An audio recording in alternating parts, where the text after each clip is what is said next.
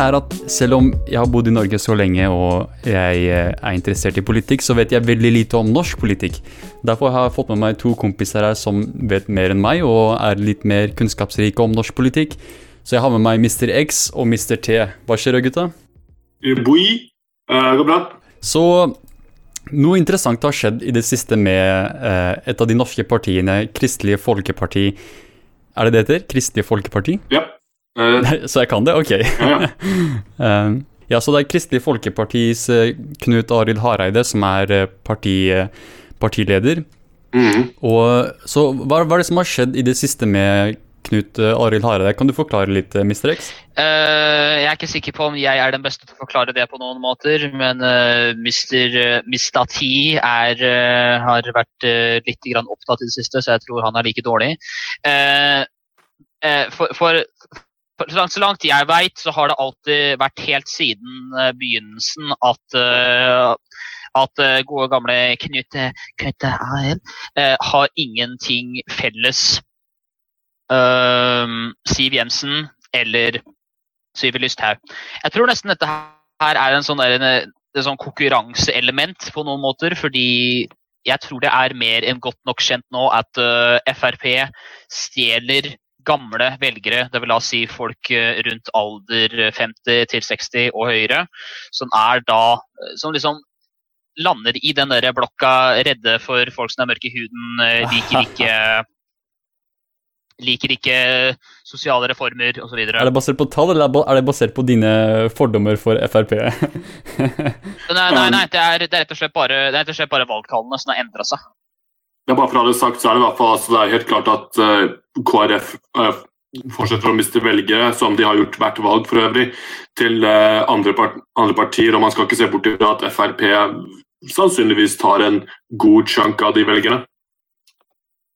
Altså, fordi jeg mener ikke Jeg mener det liksom altså Jeg mener det sånn rent bare rent sjøl. Altså, I don't give a shit hva liksom velgerne til KrF eller Frp hopper til, men jeg sier det ja. som det er. Folk som er alder 50 til 60 til 70 er reddere for muslimer fordi de er gamle. De er ofte mer kristenkonservative, og det er det som er greia.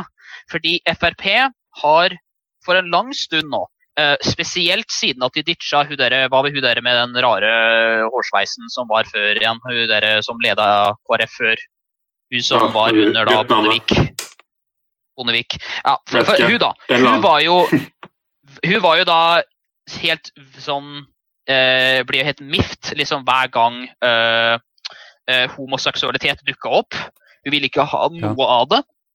Hun ville ikke ha noe giftermål med det, hun stelte seg mot det.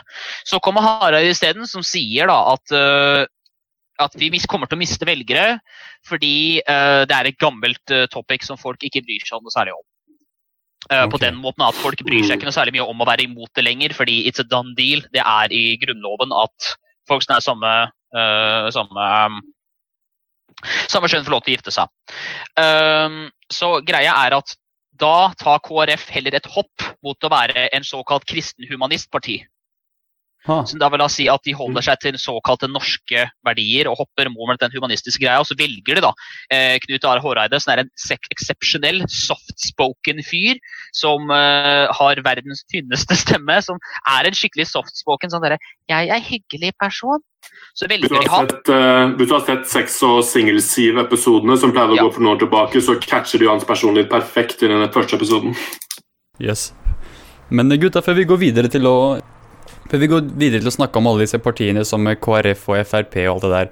Uh, jeg har bare et lite spørsmål her. Tror dere, tror dere det er viktig for uh, folk som lytter, eller folk som vil lære om norsk politikk generelt, da, å vite liksom hvor på det Hva heter det, den skalaen visse partier er? F.eks. at uh, ja, vi vet at Rødt er på helt på venstresiden, og så har vi Frp helt på høyresiden.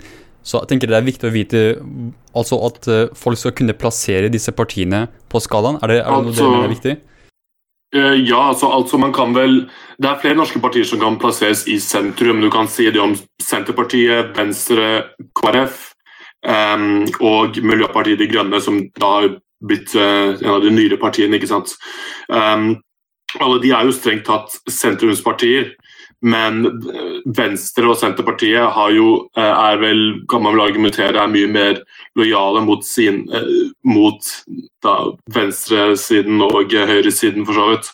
Mens, mens, KrF, da, som tradisjonelt sett egentlig har vært senter-høyre i i mange spørsmål, nå da har begynt å lene seg litt mer mot venstresida. Det startet jo egentlig etter valget i 2017, når KrF til tross for sin unike posisjon uh, som uh, liksom vippeparti uh, på midten, um, valgte, valgte, å ikke bli, bli, med inn i den borgerlige regjeringen, men heller opp i det som støtteparti. Um, hva vil det si, støtteparti? Hva, hva? Et støtteparti i Stortinget er et parti som ikke er medlem av, direkte medlem av regjeringen. Um, før, fra 2013 til 2017 så var det, var det Høyre og Frp som var i regjering, og så fikk de mhm. støtte, altså støtte i parlamentet fra KrF og Venstre. Etter forrige valg så ble Venstre med inn i regjeringen, mens KrF valgte å forbli et støtteparti. Ok, Så uh, X, hva tenker du om dette her med å sette disse partiene på denne, det, dette kartet? da? Er, er, det noe som er relevant for, uh, for norsk politikk i det hele tatt? Altså, jeg, jeg, ikke, altså, altså, at du mener at partiene da er, at det er lettere å identifisere hvor de er, da er det sånn du mener det? Fordi uh, altså, at den, den, siden er høyre og den siden er venstre, er det du mener? At, uh, at det er viktig at folk må vite? Ja, fordi det er sånn nå, da vet vi at f.eks. KrF eller uh, Venstre og Høyre og Frp går i koalisjon fordi de er på den samme siden av kartet, mens det er vanlig at Senterpartiet og Arbeiderpartiet og SV jeg går i samarbeid fordi de er på venstresida. Sånn. Er det relevant? Mm.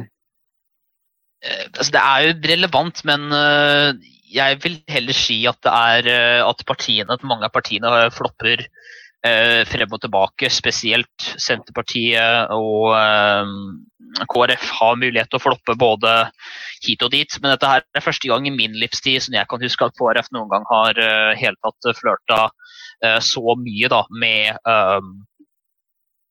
mye med uh, den såkalte venstresida, uh, som jeg har sett. da. Men det er som sagt uh, at en, rett og slett bare en naturlig grunn.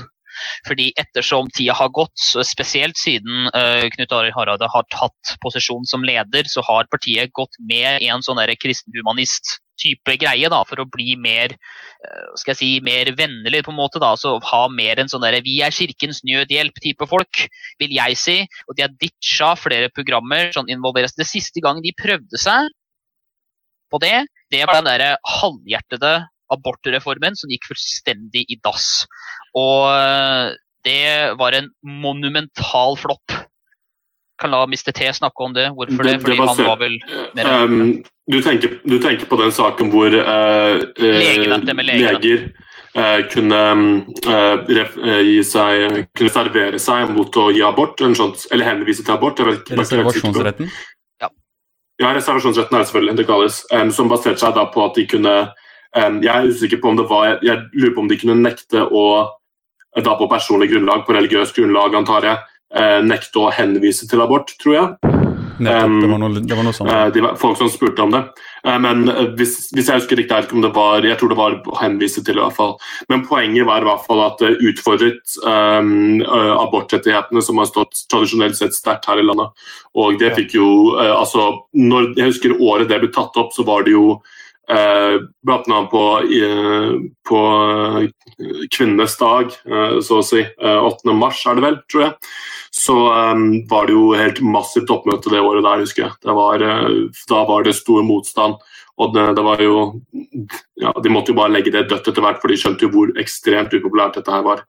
Uh, men jeg vil bare si det her også, jeg vil bare si det her også til uh, Mr. X nevnte dette med at K sa med KrF beveger, beveger seg helt mer mot sentrum og venstre. Det er viktig å gjøre klart at det er først og fremst Hareide som driver kreft, kreftene i det partiet for litt mer mot venstresida.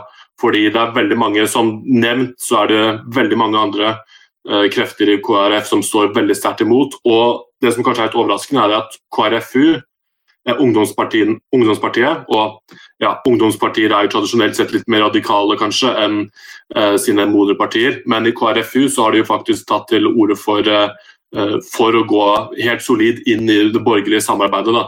Så de er jo nesten på noen måter mer konservative kan man vel si, enn Hareide. Så det er en interessant observasjon. Ja, det Mr. X eh, nevnte, det med at uh, KrF nå begynner å flørte med venstresiden, det er som sagt uh, veldig sterkt relatert til uh, Eller i, i, forbindelse med det Knut Arild Hareide mener, da. Det er jo det Jeg tror det var den nye boka hans eller noe, hvor han er litt veldig, veldig sånn Snakker positivt om Støre, han nye lederen for Arbeiderpartiet, og viser at han vil nå Ny og ny. Ja, jeg vet ikke. det, det, har gått et par år nå, ja. Ja. Men alle, alle, tenker vel fortsatt på Jens Stoltenberg når de tenker Ap. Det er sånn, det skal vel litt mer til for at Støreide blir på en måte det Jens Stoltenberg var for Ap. Men så var jo han statsminister, så det er, det er litt vanskelig det er, det er, litt vanskelig å erstatte en, en sånn tittel uansett. Men uansett, jeg tenker sånn uh, at det er, det er, på en måte uh, Hareide som vil til venstresiden. Så, og samtidig så har vi KrFU som er litt mer mot høyre. Og, men, hva skjer med selve partiet, da? For dette er jo noe som Hareide har foreslått. så hva, hva, Hvordan tror dere partiet vil reagere med eh, et slikt forslag, da, å gå mot, mer mot venstre? Uansett bare for å ha det sagt, uh, uansett hva de velger, uh, enten om de velger å lene seg mot, fortsette å lene seg mot høyresida eller prøve seg på venstresida, så tror jeg at de kommer til å fortsette eh, å falle på stortingsvalgene, som de har gjort eh, alle de siste eh, stortingsvalgene siden 2000, eller hva enn det var. Så har KrF falt eh, jevnlig, og jeg tror uansett hva de velger um, å gjøre, så tror jeg de kommer til å fortsatt prestere dårligere enn det de gjorde uh, forrige valg. Fordi mm. hele greia er at uh, grunnen til at altså, jeg, uh, Make no mistake av hva jeg mener. Jeg ligger til venstresida for uh, ligger til venstresida for to gode grunner, meg sjøl. Det er for det første høyresida de leker altfor mye med frimarkedideologi som ikke passer for Norge, fordi vi er et kjempelite land som ikke har noe å gi i eh, masseproduksjon. Vi kan ikke være frimarkedkonger. Vi kan være flinke utviklere av software og sånn og, så videre, og være teknologisk fremme, men vi kan ikke konkurrere på den måten. Så Det er derfor da Senterpartiet f.eks. gikk fra å være på høyre til å gå over til venstre, fordi norsk landbruk går til helvete hvis du forsøker å selge det. Eh, den andre greia til grunnen til at jeg holder meg til venstresida, er fordi jeg liker ikke kristendom og jeg liker ikke religion generelt.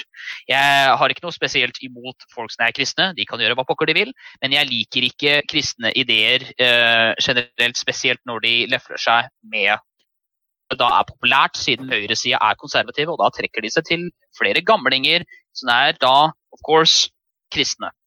Derfor uh, er ikke jeg så ekstremt begeistra for at vi kommer til å få lumpa inn denne lumbering deceased, uh, liksom døende, uh, døende partiet, som er KrF, som kommer til å ligge der og si Gi meg en reformstemme, Jesus kjære det! er rett at det, det som blir problemet, er at Kan jeg bare si det, Mr. X, at når du, når, jeg kan bare si her, Mr. X, når du sier at du ikke liker er noe særlig fan av kristne ideer, så ser jeg for meg at noen kommer opp til deg med en uskyldig 'love thy neighbor', hvor du bare bullshit! Så Nei, men Det synes jeg er litt interessant, eh, Mr. X. At du, du, du, leder deg mot venstresiden nettopp, nettopp fordi du er uh, uh, mindre religiøs. Men vil, du da si at det å være på en måte mer sekulær da, gjør at du oftere er på venstresiden? Kan man ikke også være på en måte sekulær, men også være Frp-er, da? Eller sånn ja, man kan være det. Det er bare ett problem med det, og det er at Frp, FRP er lefler altfor mye med frimarkedideologi. Som ikke, for, som ikke passer for norsk økonomi. Dessverre.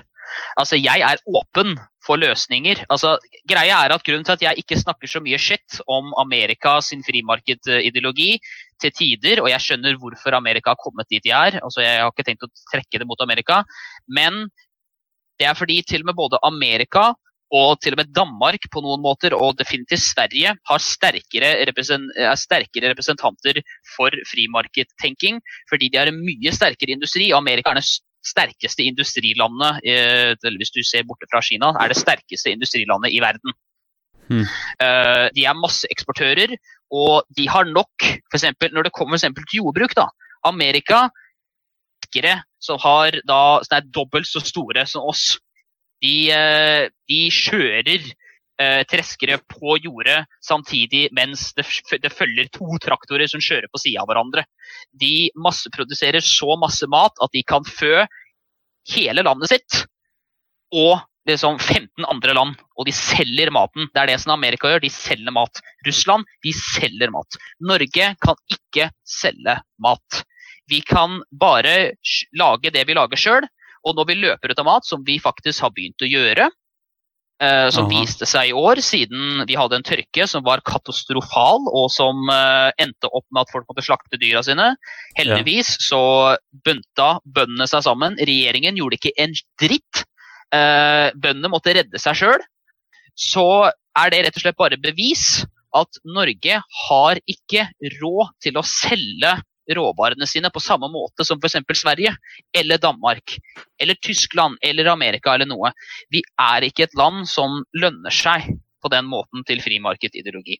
Så eh, derfor gir ikke Høyre, definitivt ikke Frp, noe mening.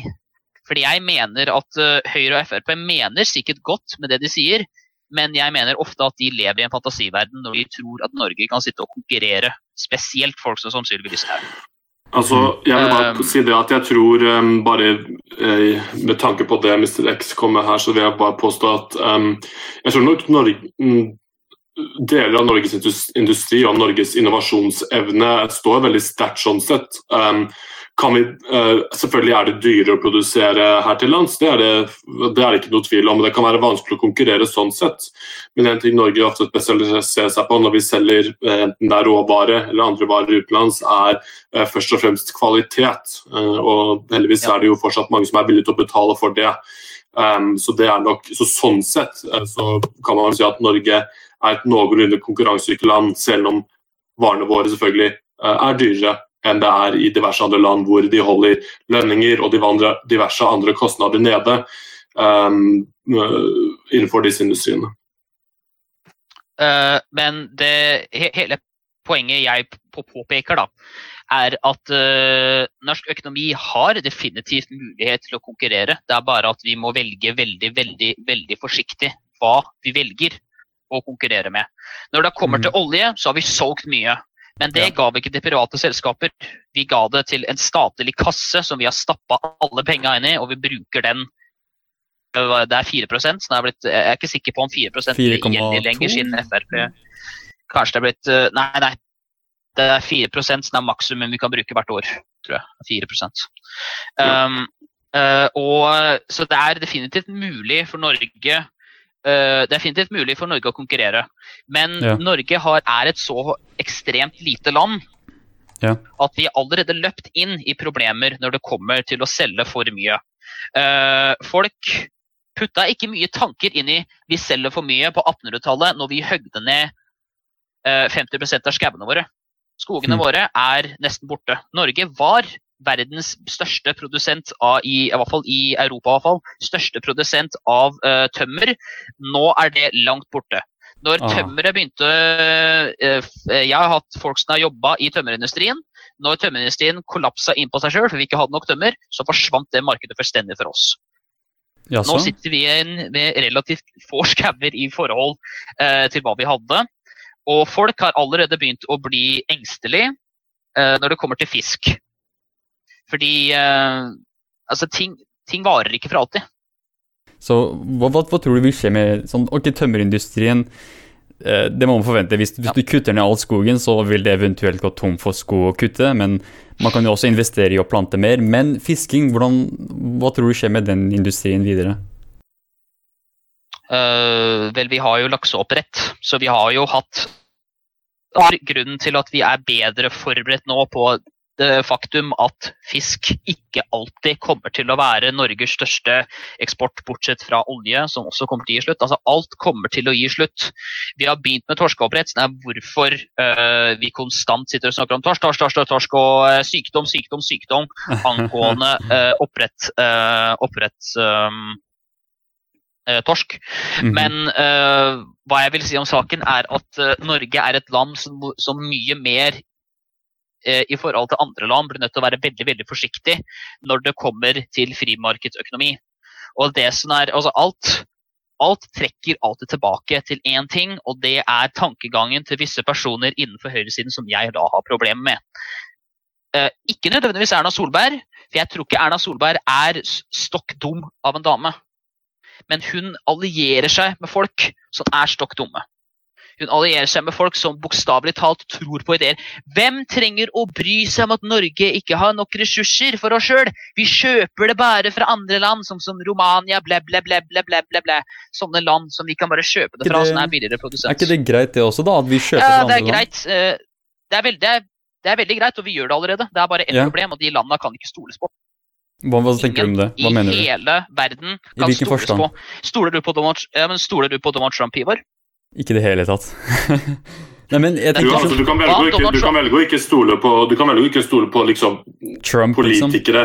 Ja. Også, og det, altså, du må stole på at, um, eh, det, at landets økonomiske interesse uh, vil fortsatt vil være å handle med oss også. Ja. Um, selvfølgelig, man skal være, man skal være obs eh, og man kan være oppmerksom uh, i, uh, på en internasjonal arena når det gjelder handel og utveksling, men man skal um, eh, Å, herregud, hva er poenget mitt? Um, jo, det er eh, det er selvfølgelig helt nødvendig eh, for Norge og alle land i Europa for øvrig å, eh, opprettholde gode handelsforhold. Um, spesielt med tanke på hvor mye vi importerer og eksporterer til Europa, selvfølgelig. Ja, jeg tenker sånn verdensøkonomien i dag er jo, det er jo for det meste veldig mye sånn eh, Mer et nettverk, liksom. Det er sånn, alt er på en måte connecta. Det er Hvis noe skjer her, så påvirker økonomien der. Hvis det blir en krig der, så påvirker økonomien der. ikke sant? Det er, det er litt mer connecta, så jeg tenker slik vi er nå Vi er egentlig tvunget til å leve slik, tror du ikke det? Å, å ha sånn der frihandel og alt det der. ja. ja.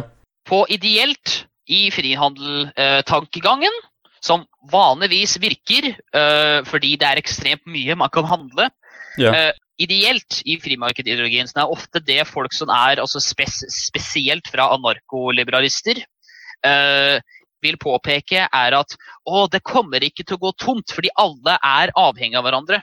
Og det er for så vidt sant. Alle er avhengig av hverandre.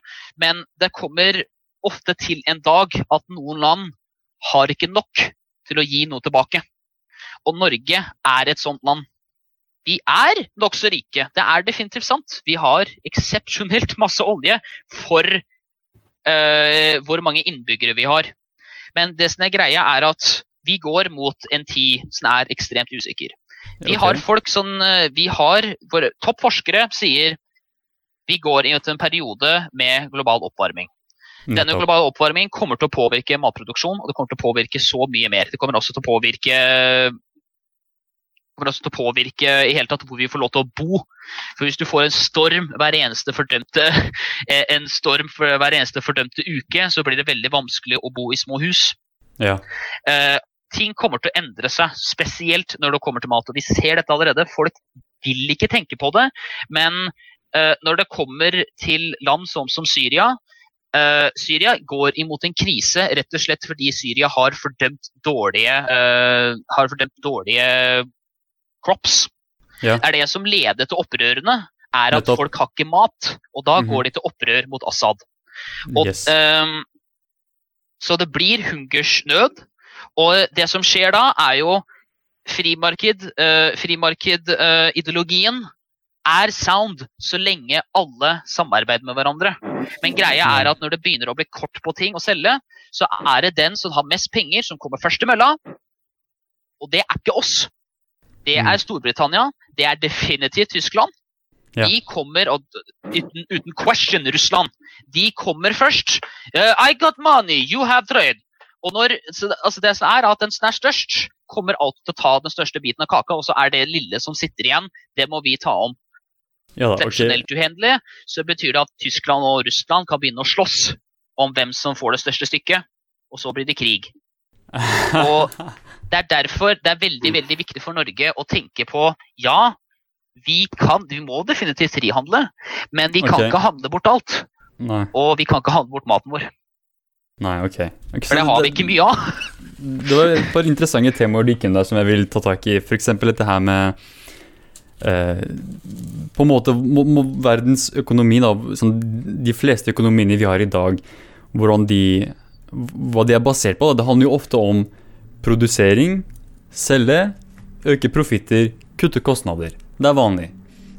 Og jeg tenker Hvis man fortsetter sånn hele tida, sånn, eventuelt så vil vi komme til det punktet hvor det ikke er eh, det ikke er noen ressurser, og når eh, Spesielt med det her med global oppvarming, fordi den økonomien vi har i dag, på en måte, den er jo designet til å egentlig gjøre situasjonen enda verre. Så ikke, ikke bare vil vi bli hardt påvirket av disse Nei, disse naturkatastrofene og tørke osv., men det vil bare fortsette, og det, det, vil bare bli verre, fordi vi har ikke kommet til et punkt eh, som, en, som en menneskeart da, hvor vi har utviklet en annen økonomisk eh, Eh, et annet økonomisk system hvor vi kan faktisk ha en fungerende, eh, et fungerende klima som ikke blir ødelagt som et resultat av vår, eh, vår, vår, vår ønske om økonomisk vekt. Så vi må, vi må, først og fremst komme til et nytt, et nytt system, da, ifølge, ifølge ny, ny, rapport fra FN.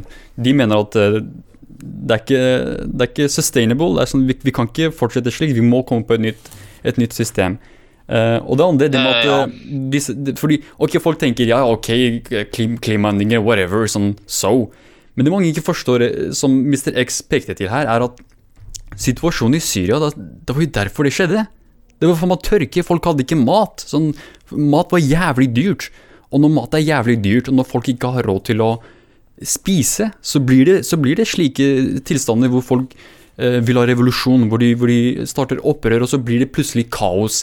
Spesielt i et sted som Midtøsten, hvor ting allerede er veldig sånn eh, alt, alt, er på kanten. Det er like før hva som helst kan skje i Midtøsten. Det er sånn situasjonen der er. Så jeg tenker det blir veldig, veldig risky å fortsette med den samme den samme oppførselen som vi mennesker har i dag, da, når vi vet at det eventuelt vil føre til langt verre katastrofer enn det som skjedde i Syria. Eller, kan jeg, ja, ok. Det jeg bare skulle, ja, nei, du har, du har gått på Jeg bare kunne touche på et par ting. bare veldig raskt. Det er at um, yes. Selvfølgelig er det viktig å understreke at i Syrias situasjon så er, det, så er det selvfølgelig flere faktorer enn kun tørke som spilte inn. Uh, i, som har spilt inn i uh, denne borgerkrigen. Um, det, det, var ikke tilfeldig at den kom på den samtidig mens uh, den arabiske våren tok sted i 2011. Um, men men selvfølgelig, man skal ikke undervurdere um, klimaendringenes og sine, klimaendringene sin effekt på, um, på, politisk stabilitet og, politisk, og, på, og, på, diverse land. Um, det må man overhodet ikke gjøre. Um, og bare for å ta på det andre her også, angående frihandel osv. Um, og hvorvidt det er sustainable. Um, det som først, en ting som er veldig viktig å huske her, at Deler av problemet med frihandel også um, er at uh, agen, altså, premissene blir ofte satt av store transnasjonale selskaper som har, uh, som har interesser i dette her. Og hva interessene er, er at land skal eh, tilby så gunstige forhold for dem som mulig for disse store selskapene. At de skal eh, tilby disse selskapene eh, goder og muligheter um, som de kanskje ikke ville fått andre steder. Uh, for, slik at de kan drive handelen sin. Så man kan selvfølgelig spørre seg at liksom, under hvilke premisser blir handlingsnettverk satt i Eh, i vår verden i dag. ikke sant? Det er også en viktig ting å tenke på når man snakker om dette. Yes. Ikke bare eh, i seg selv som et fenomen, men uh, oss, men dem som dirigerer det. ikke sant? Ja, Det siste jeg vil si om saken, er at når det kommer til uh, om vi skal endre måtene våre, så er det bare to muligheter som jeg kan forutse. Enten så må vi som mennesker akseptere at vi kan ikke få det som vi vil, vi må roe ned. Vi kan ikke kjøpe så og så mye hver eneste dag og så gafle i oss mat. Vi kan ikke kjøpe luksusbåt og sitte og gå rundt og sole oss på stolen på Kreta liksom hele året hvis vi har lyst til det. Vi må enten akseptere at vi må gå inn i en periode med mediocrity, eller så må vi finne et teknologisk leap. Altså, vi må finne en eller annen Star Trek-formula. Ja. Eh, altså, vi må finne en eller annen sånn replicator bullshit. altså Det er jo teoretisk sett fysisk umulig. Men at vi må finne en måte å sustaine oss sjøl på som gjør uh, at vi kan uh, rett og slett bare lage f.eks. mat uh, som er mye mer effektiv enn den måten vi har nå. Vi må Ja, finne veldig- en bedre teknologisk løsning. Eh, Så det er veldig eh, interessant faktisk, bare, bare ha det nevnt angående matproduksjon, var at eh, det er- nå diverse tester. Jeg husker ikke helt hvor det var, men det er noe som tester opp hvor de bygger opp noe som ser ut som et slags lager. Men inni så har de liksom hylle på hylle på hylle med eh, jord eh, som, de, eh, som de bruker for, og lys som de bruker for å dyrke mat. Da, slik at de har til på en viss grad, eller på en måte flere jorder oppå hverandre. Da. Jeg skal ikke late som jeg vet mye om altfor mye om hvordan det fungerer i praksis, men eh, det var, var interessant å se at man forhåpentligvis så kan innovasjon eh, hjelpe mye i, i disse store, disse viktige spørsmålene som gjelder mat, som gjelder sustainability, eh, og hvordan klimaendringene vil forandre dette, selvfølgelig. Så lenge ikke Elon Musk er involvert. Jeez. Ja, herregud. Nei, uh, men ja, jeg er enig. Det er sånn, vi, vi, må, vi må finne en slags teknologi som kan hjelpe oss til å klare å ha en, en verden hvor så mange folk som mulig kan ha det godt. Ok, men uh, igjen så er det jo Hvordan kommer vi til det punktet? og uh, det, blir, det blir vanskelig, og det kommer til å koste. F.eks. ikke alle i verden kan leve slik vi i Norge lever. Det er, og det er jo så utrolig mange folk som lever i fattigdom. og Målet vårt, som FN eksempel, ofte refererer til, er å få disse folka ut av fattigdom. Og Hvis vi gjør det, så blir det jo bare mer forbruk, det blir mer forsøpling, det blir mer eh, Det blir mer CO2 i lufta, det blir mer global oppvarming og klimaendringer. Eh, men eh, det er jo det her med å finne teknologisk løsning, men det tenker jeg Det er vi veldig langt unna. Så jeg tenker et bedre alternativ er det Mr. X foreslo som uh, det her med å prøve å heller leve i mediocrity. Sånn Nei, du må ikke leve i luksus, men du kan mener, Man kan vel fortsatt ha et, et interessant liv ved å bare bo i Norge. Så må du virkelig liksom reise på eh, ferie til Asia hele fuckings tida. Sånn, la det være sånn Ja, altså, engangsgreie. Ikke gjør det hver jævla sommer hvor du skal til Kreta, eller du skal til disse eh, disse stedene i Syden hvor du drikker deg drita Mm. og trakasserer Mm. lokalbefolkningen. Sånn, prøv å heller, prøv å er heller finne lykke. Ja, prøv å finne, finne, Altså- finne en mening med livet der du bor. Jeg- Sånn, jeg kan jo, jeg kan jo påpeke jeg kan jo påpeke at uh, norsk den norske pensjonsordningene, altså den norske liksom, average pensjonsideen, er jo Når jeg blir 66, da skal jeg gjøre det jeg vil. Da skal jeg dra til Malta eh, hver eneste Da skal jeg Altså, det er jo egentlig bedre at de hadde flytta til Malta generelt og bare blitt der. Men da skal jeg dra til Malta, men jeg skal fortsette å holde huset mitt oppi der. Og så skal jeg dra dit, og så skal jeg sitte og sole meg i to uker, selv om det er dritkjedelig. Og så skal jeg dra tilbake igjen, og så dra tilbake igjen to uker etterpå. Og, eh, og så skal de også ha alt oppå der igjen, og jeg kan forstå hvorfor de vil ha det. De har jobba hardt, det er hardworking people. ja. Men uh, det blir nesten en us versus them-mentalitet med det. Ja. Men- at de skal ha så mye, og de skal, vi, skal, vi skal ha det moro! ja. Det er, um, Da går vi tilbake til Frp. man, man, må man må stille seg selv spørsmålet hvor godt skal vi ha det. ikke sant? Det er, Ja. det er et helt legitimt spørsmål. Det er, jeg husker jeg leste en, leste øh, en artikkel, en, en nyhetsinnslag for ikke så lenge siden. Vi ser at diverse ø, øvre middelklasse middel- folk begynner å her i Norge har begynt å kjøpe seg Jeg vet ikke helt hvor jeg leste men folk har begynt å investere i eh, eh, ovner spesiallaget kun så, eh, sånne italienske pizzaovner som brukes hovedsakelig til det formålet. Og det er litt sånn Ja, så Herregud, hvor, liksom, igjen, hvor godt skal man ha det? Bare, ja, nei, nå, nå er det inne å ha med sine private italienske pizzaovn. Ja, Eh, som om ikke eh, en båt på sjøen og eh, hytte i Kreta var nok. Det er et sånn det er sånn, ja, ok, greit, vi, eh, vi, vi skjønner det. Um, nei, det er, eh, det er Man må uh, det, det, er, det som er utfordringen. Sant? Altså den ideen om uh, at glede er bindet opp mot, um, opp, uh, opp mot materielle, ikke sant.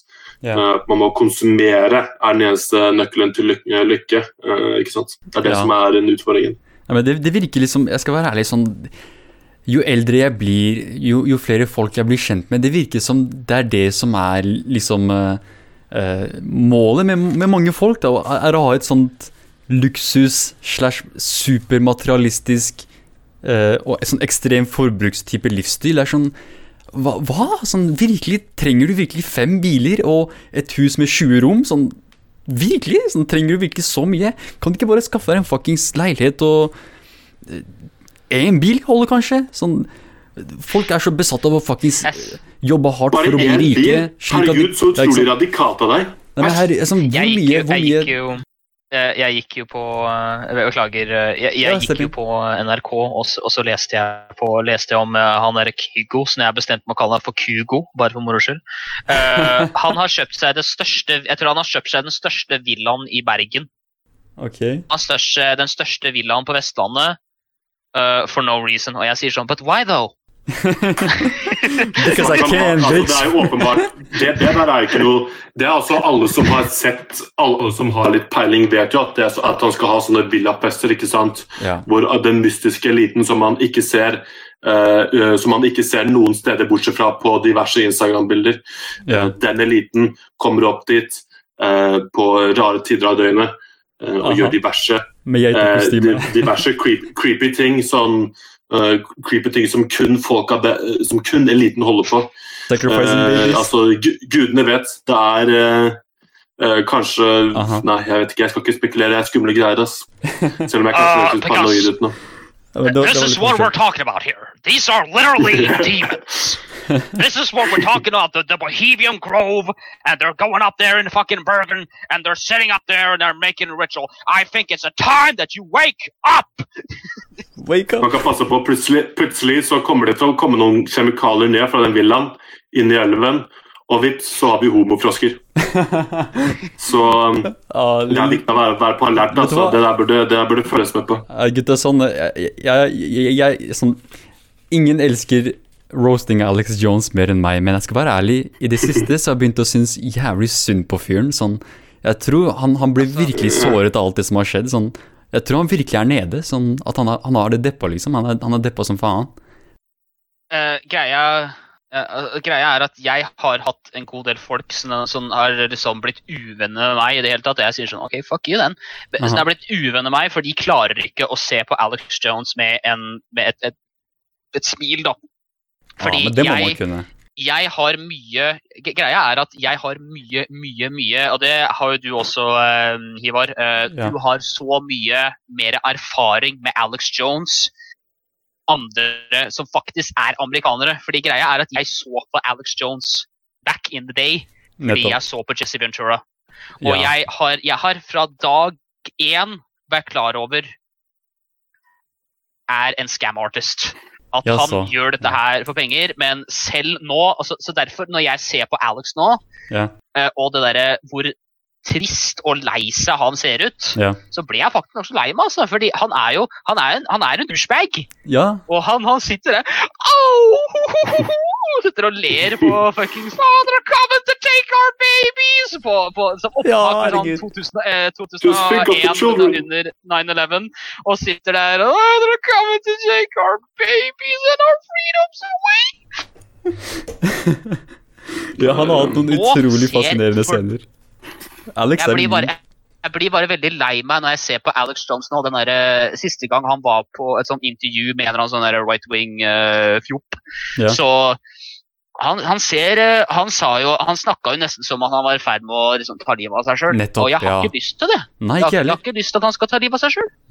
Nei. Det, det, sier du bare fordi, det sier du bare fordi at du har lyst på en kilde med memes, rett og slett. Det er det du vil. Ja, jeg, jeg, altså, det også liker jeg skjegget hans. Jeg syns han ser veldig kul ut med skjegg. Uh, jeg, jeg liker det skjegget. Uh, uh, nei, jeg, jeg har ikke lyst til å miste den fyren i det hele tatt. Eh, og fordi han er han er mer underholdende enn han er truende til meg.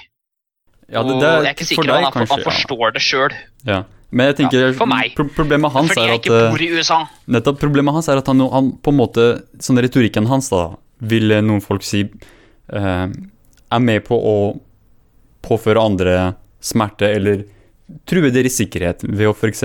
si å, denne pizzasjappen her er en eh, pedofil sexring, sånn så møter en dude opp med gunner, Ja. eller eh, Sandy Hook, folk er skuespillere, så blir de trakassert, eller eh, han Chubani-fyren er eh, Han yoghurtduden er en eller annen Jeg husker ikke hva han sa, men det er sånn Til, til en viss grad. Men jeg tenker sånn, selv sånt, det, det må man bare Det er en del av ytringsfrihet at vi, at vi har sånne aktører, men da blir løsningen å heller saksøke han istedenfor å si la oss bare sensurere han. Bare saksøke han. sånn, la, la rettssakene finne ut av det. Ikke, ikke vær sånn paternalistisk hvor du, føler at du må ta vare på oss og gjøre det som du mener er best for oss. sånn ja, ok, vi, vi skjønner at sånn, sånne retorikk kan være skadelig for visse folk, da, men fortsatt så tenker jeg det er greit å heller la de snakke, fordi som sagt, jeg, som du sier, Mr. X, jeg vil ikke miste den stemmen. Sånn, ja, han er litt crazy, men jeg vil ikke miste sånn, jeg vil ikke at han skal bare forsvinne eller bli sensurert. Sånn, eh, la, heller, la heller folk eh, saksøke han og eh, få orden på sine ting slik, istedenfor å Istedenfor at vi skal bare sensurere det, sensurere helt. Så akkurat det så er jeg Greia faktisk litt sympati, sympati, sympatisk med, med Alex Jones. Fordi Jeg har ikke lyst til å miste ham på den måten, fordi jeg har, jeg har lyst til å ha flere konfrontasjoner på mange måter. Sånn som Jeg er ikke sånn eksepsjonelt glad i Cenk Uger og The Young Turks, men det er ingenting som kommer nær What? Work in Saudi Arabia, you dumbass! What the fuck are you talking about? Og så, tryn, så trynet til Alex, og han sånn derre Wow. Ja, shit. Så du, så, du så også den, den, det med Marco Rubio eh, nylig også? Ja, den han Ja, ja, ja, ja, eh, trakasserte de Marco. Rubio, ja. Har du ikke sett det? Nei, det var, det Når, når, Marco, når Marco Rubio står der på en konferanse, så, kommer, så står bare Alex liksom en meter, en meter til sida bak den og liksom bare han ja, da. Altså, bare bjeffer i vei. ikke sant? Det er egentlig, Hvis du ikke har sett den, så må du gå og gjøre det. Ja, det, det var ganske sånn der uh, catfight-energi der. Det var like før liksom, det ble en rap battle. Marco Rubio var jo Marco Rubio var jo basically bare uh, uh, Indikerte basically at eh, liksom eh, Hvis du ikke gir deg, så kommer, kommer ikke security, security til å ta seg av deg. kommer jeg til å ta meg av deg. Og Alex bare ah, is, that, is, that, is that a threat? Is that a threat? Ah. Hvis jeg hadde støtt på Alex Jones, jeg hadde vært en public figure, og Alex Jones hadde kommet til å invade meg, så hadde jeg bare løftet opp og klemt han eller noe sånt. Han ville ikke visst hvordan man skulle svart på det. Jeg var sånn der, Hey, how you doing, man? Og, I don't know, man. Why are you hugging me? Like, what, what the hell is this? Like, you think you're friends? okay, then, Tom. Let's not, let's not, uh, you know, I... ja, men, men det fortsatt, det var, litt, det var litt trist å se han på den, i, den, i den tilstanden han er nå, da. Men for, bare for å gå tilbake til Men bare, et kan jeg bare, annet- bare, ja. bare, for, for, bare, for, bare for å gjøre det um, Dere fikk dere også med det var, eh, Jeg tror Kyle Kalunski touchet på dette her når, eh, når, bare for å ha det sagt, bare fordi at uh, Mr. X touchet på uh, dette med å gi en klem og litt intimitet med Alex Jones. Tenkte jeg på det der med eh, hvor, hvor han ble ferska med Var det transseksuell porno? Ja. ja. Ah, ja, herregud. Det, det var da definitivt Det var, det var, da, me- det var da male til female, ja. Ah, Men litt, jeg, jeg, for det var, det var Herregud, jeg husker ikke hva det var, men det var noen som, eh, noen som fant den videoen. Eh, det, ja. Faktisk, eh, det var Nei, det, det er det er sprøtt, det der. altså Han nektet jo for deg at det var sånn Nei, det, bare, det var bare annen sånn liksom spam eller noe sånt som kom opp, kom opp da, påstand. Men det hadde jo vært lættis om han bare er liksom i skapet om det at han bare digger ikke sant? Digger chicks with dicks. Det hadde jo egentlig vært eh, Det må ikke nødvendigvis bety at det må ikke nødvendigvis bety at fyren er homo, da. Det er uh, I mean, Nei, nei, know, men- man. Uh, people watch funny shit. det er sant. Men. True, true. I'm not, I'm not gonna judge. Hva, hva, hva er sayingen? Det, sayingen er OK, you watch, you watch, uh, you watch uh, regular hentai, you're straight. You watch tranny hentai, you're still straight. I don't know, man.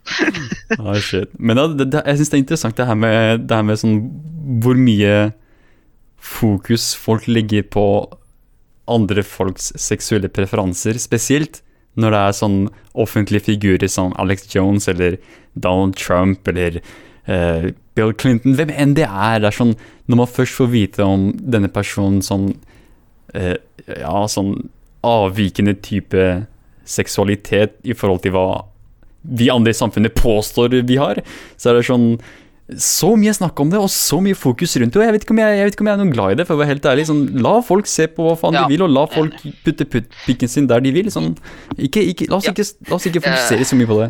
Sånn, hvis Trump pulte en prostituert, liksom, det er sånn, who cares? Jeg var egentlig veldig uenig på mange måter, hvor alle var sånn Altså, Det var jo morsomt på en måte, da, men fordi Ja. det er comeuppance. Men på den annen side så var jeg også litt sånn uh, Når folk som seg på den derre gay rights and uh, transsexual rights og alt Nettopp. det der Og så begynner du å bruke det som og eh, sier- ja.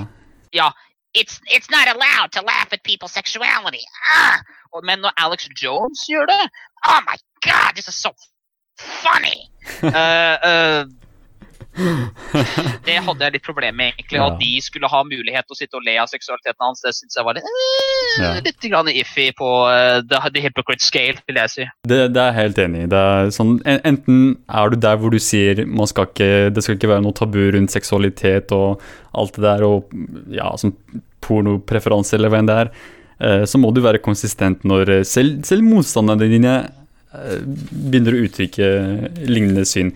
Men uh, bare for å nevne tilbake det med, det med Trump, for jeg, jeg sa at eh, jeg bryr meg ikke om han f.eks. Uh, er i et forhold med en pornostjerne. Det er sant, jeg, jeg er ikke imot det sånn uh, Hva kaller man det? Sånn uh, prinsipielt. Men det, det jeg er imot, er at uh, han brøt loven ved å bruke kampanjepenger til å hysje Til å hysje pornostjernen. Og er liksom, Da går du imot eh, finansieringslovene til kampanjene. Da, da bryter du loven. Da tenker jeg det er et problem. Det er det som er problemet med Trump akkurat nå. Det er derfor folk snakker så mye om det. Men eh, sånn ellers, når man skal liksom gjøre narr av Trump som ha-ha, du, du måtte betale en pornostjerne, sånn ha-ha sånn, La han være sånn Som om han er den eneste presidenten med skitten, skitten sexsmak. Det er sånn, herregud, John F. Kennedy-match. The, the, Kennedy, the, the Kennedy Tunnel. Ja, ikke sant? Herregud. Sånn, han hadde en faktisk pornostjerne hver annenhver kveld, liksom. Så la folks sexpreferanse være sånn. Det er ikke det, det, det, påvirker, det har ingenting å si om en persons politiske uh, ideologi. Neida, det, er- det, er mors, det er morsomt å erte Trump litt for, for akkurat dette her, fordi at han er den største skrytepaven ikke sant, når det Ja. gjelder sånne ting som dette her. Men Ja. selvfølgelig så må man jo Jeg ser jo noen, noen talkshow-hosts og noen uh, aktivister, eh, det er kanskje demokrater, som uh, kanskje begynner å spille veldig på dette her. Igjen, hvis han har brukt kamp, valgkamppenger til det, så er det jo noe man må passe på å se inn til eh, og se på. Men ellers så er det litt sånn Ja, man burde jo Det ville vært lurt av opposisjonen i USA å holde seg til politikk. for sånn. Det er så mye mer man kan ta, ta, ta Trump på der enn kun Oh my God, he touched some titties. Ikke sant? Det er liksom, Ja, det er, det er my, veldig mye, veldig mye. Er, men dessverre så virker det som om de de faktisk heller vil lene seg på akkurat det. Det med å, han, han, han puler pornostjerner, å, han eh, Ja, han, han, han, han er styrt av Russland, og Russland, Russland, Russland, Russland, Russland, som Norge har gjort i faen meg 30 år nå, 40 Bill år nå. Maher-match, Russland, eller? Russland, ja. Men eh, Tenker du Bill Maher? ja, Bill Maher, herregud, sånn eh, Jeg droppa han helt. Og jeg skal være ærlig, skal jeg si det hvorfor jeg droppa å se på Bill Maher, for jeg var, jeg var ganske stor fan. Jeg satt på biblioteket en dag, Ja, ja. og så kommer det en Han dude pleide å være ordentlig god. Ja, ja, ja, men det kommer en dude, og dette ga meg inn- innblikk liksom, å, hva er det som egentlig skjer? Fordi jeg ser jo på Bill Maher med et veldig skeptisk syn, fordi han er jo veldig sånn Han er litt elitisk for min smak, for å være helt ærlig. Men uansett, jeg sitter på biblioteket, så kommer det en dude og sier sånn, snakker litt om politikk, og jeg, jeg bare satt og sånn da, fordi jeg, jeg sitter og leser, og du sitter og snakker, er vi er i biblioteket liksom. Men uansett, og mye av det han sa jeg var veldig uenig med, bare sånn, hva faen, hva, hva er det hva er det du snakker om? Og så senere så kommer de, snakker de om serier, og så sier de ja, ser du på Bill Maher? Jeg bare hæ? Sånn, snakker du om Bill Maher? Sånn, bare, ja, ja, ja, det, Bill det, Maher. ja. Så det, det, er sånn, ja, det, var- det, det var det som var morsomt. Altså. Det var på HBO Nordic. Jeg bare, oh shit, Bill Maher, ok. Så dette, dette er folk som eh, har Bill Maher som sin på en måte politiske eh, kunnskapskilde, da. Sånn, det er der de får sin politiske kunnskap. Sånn, det er der de vet hva som skjer i USA, og hva som skjer i politikken. Og Mye av det er jo sånn nå for tida. Det er sånn, Du vil heller se på det som er underholdende, og samtidig lære om nyheter, enn å fuckings lese aviser. Det er ikke alle som er like interessert i å lese aviser. Folk flest ser heller kanskje på Bill Maher eller eh, Trevor Noah eller fuckings John Stewart eller uh, alle disse komikerne som også er litt politiske, da. Glenn Beck. Glenn Beck.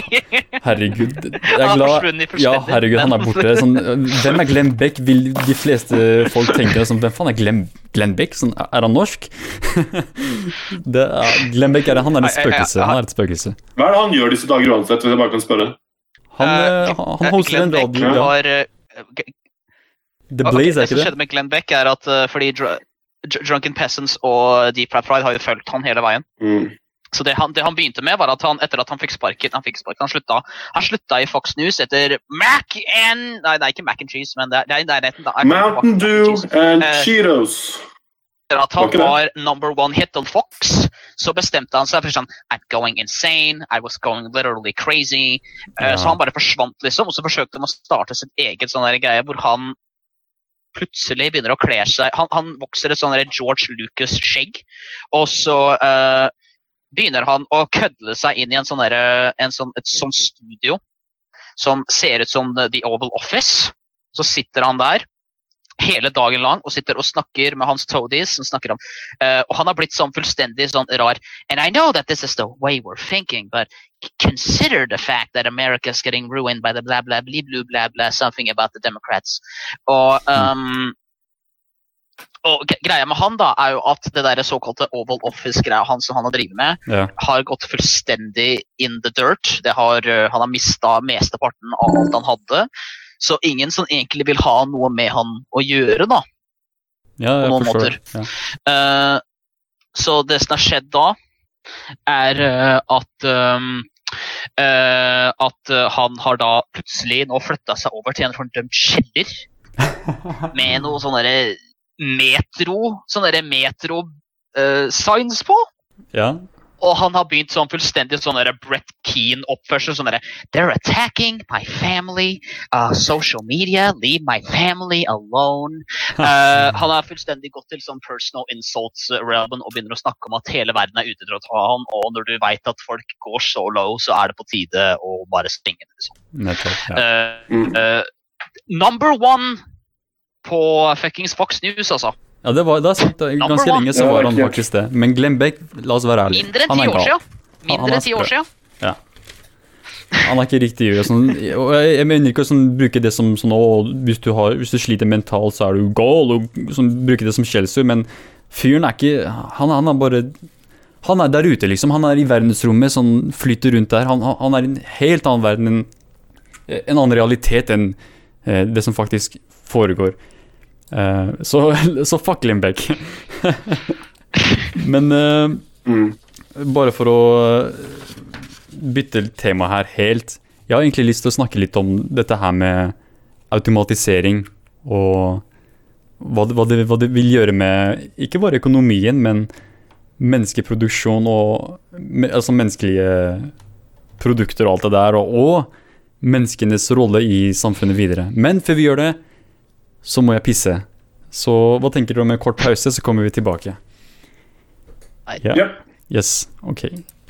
Yes, da er vi tilbake, og eh, jeg vil egentlig snakke litt mer om dette her med automatisering. Jeg, jeg, vi har snakket om det tidligere med podkasten med Mikkel, hvor vi eh, snakket om en artikkel som eh, mente at det bør være mer debatt om det i Norge. Og selv om det var for en stund siden akkurat nå, så, det, så har det ikke vært så mye debatt rundt det. Men det vi heller har fått debatt litt om i det siste, da, er dette her med fire dagers arbeidsuke. Og dette er eh, ifølge en artikkel fra Fri fagbevegelse og de skriver Fagforbundets leder åpner for fire dagers arbeidsuke, og hun sier temaer som seks timers arbeidsdager og en arbeidsuke på fire dager må vi ta inn over oss for å holde arbeidsstyrken oppe, få folk til å stå lenger i jobb og gi flere tilgang til arbeidsmarkedet. Dette er Mette Nord, som er Fagforbundets leder. Ehm, så hva tenker dere om dette her med å is- Istedenfor å gå i den retningen hvor vi på en måte introduserer borgerlønn, hvor alle får penger fordi roboten har tatt over alt, men at vi heller prøver å ha sånn kortere arbeidsdager og arbeidstimer. Hva dere, er det sånn, hva mener du om dette, om dette forslaget til eh, Mette Nord, eh, Mr. T? Um, ok, så for det første, um, du toucher på dette med borgerlønn, bare for å ha det sagt. Jeg, de testet jo litt, eksperimenterte litt med det i Finland. Jeg er ikke sikker på hvordan utfallet der var. Um, men vi hadde en liten område hvor de testet det på, da, tydeligvis. Uh, eller jeg vet ikke om de fortsatt gjør det, men det var i hvert fall snakk om det. Um, så det har vært testet, eller skal uh, er testet. Men um, jeg er litt rann, uh, på benken med akkurat det, med akkurat borgerlønn, fordi man kan gi uh, alle sammen en viss sum penger i uh, måneden mm. selvfølgelig, og si at de kan bruke det på hva enn de vil. ikke sant? Og da, um, Formålet med dette her er jo at man da, istedenfor at det offentlige, offentlige, bruker penger på diverse velferdstjenester, så får heller penger, folk en borgerlønn hvor de kan bruke pengene på hva de vil sjøl. Ah. Men jeg er redd for at det kan utfordre offentlig eierskap av diverse ting, f.eks. helse. Um, Eh, transport, eh, diverse andre sektorer hvor offentlig virksomhet er viktig. Um, og jeg tror nok at det på en måte blir sånn, ja, altså liksom, At det blir kanskje litt At man, at man undergraver velferdssamfunnet litt, da, velferdsstaten. Um, Istedenfor å heller i stedet kanskje skaper en slags scenario hvor du ender opp med bare hvor, ja, hvor de private står og profitterer mye mer uh, fra hvordan folk disponerer borderlønnen sin. Jeg er, litt, altså, jeg er litt på gjerdet på det. Jeg skulle, jeg skulle ikke ha skal nok lese litt mer opp på det før jeg har noen endelig konklusjon. Men jeg er litt, rann, eh, litt rann småskeptisk at the moment til ideen med borgerlønn, vil jeg, vil jeg si. Um, kanskje, jeg kanskje jeg forandrer mening, men så lenge igjen, så er det det. Uh, og bare for det sagt, uh, det andre du toucher på um, uh, Beklager, nå Fattig jeg det var. Um, uh, jo, seks timers arbeidsdag. Ja. Um, ja um, jeg, er også, jeg er også litt på gjerdet med det. det, være, det, kan være De testet ut dette med borgerlønn, så det kan være interessant å teste ut dette med en seks timers arbeidsdag og litt kort arbeidsuke. Selvfølgelig, det er, det er, jo noen som kommer til å påstå at dette um, også at det kommer ikke til å gå, det kommer ikke til å være noe produktivitet i det hele tatt. ikke sant? Men da igjen så må man ikke glemme at uh, for, uh, liksom, for, mange mange år siden så var det jo også de som sa at hvis du forbød liksom, barnearbeid ikke sant, på fabrikker, så var det å, men business vil, det vil ikke være noe produktivitet, og alt vil gå til helvete. ikke sant? Ja. Um, eller hvis, hvis du gir folk en lengre helg eller mer fri eller liksom sommerferie, så kommer alt produktivitet til å synke av, kommer til å gå til helvete. Det argumentet har man hørt mange ganger gjennom historien. Så jeg kjøper ikke Så folk som sier det, at, jeg, at seks timers arbeidsdag kan skade produktivitet, kjøper jeg ikke helt nødvendig. Um, så jeg er, for, jeg er, for, å teste det ut for øvrig. Det, det er noe jeg kan sympatisere med. Hva med deg, Mr. X? Um, alt jeg vil si om saken, egentlig er at uh, jeg har ikke noe særlig mer kommentar til borgerlønn, fordi jeg veit ikke helt hva, nøyaktig hva, forskjellen på det er mellom dagpenger. Ja. Bare på uh, når det kommer til seks timers arbeidsdag og bare fire dager. Um, jeg veit ikke, altså. Jeg har lyst til å jobbe. Fordi jeg blir, uh, jeg blir gæren hvis jeg, hvis jeg, sitter bare i et jævla rom. fordi greia er at Hvis jeg ikke får insight, incitement til å gjøre noe ellers, så sitter jeg bare på rommet mitt og råtner. så det, det, er, det, er, faktisk et veldig godt poeng, og det toucher jo også litt på det Mr. T sa. og det er at uh, ja, Produktiviteten vil ikke gå ned, selv om det er det mange folk frykter. Uh, og, men, men, noe som kan være et, et argument som kommer, stammer fra den tankegangen, da, men også kan være litt imot det uh, Mette Nord sier, er at folk vil fortsette å jobbe. Sånn, ja, ok, du gir dem fire dagers arbeids, uh, arbeidsuke, og så gir du dem seks timers arbeidsdag. Men det vil jo da bety at de får mer fri i uka. Og kanskje vil noen folk da bruke disse fridagene til å også jobbe. Og det vil jo bare føre til ikke bare mer produktivitet, men også at det er flere folk som nå tjener mer penger fordi de har to jobber, de har, de har flere inntektskilder.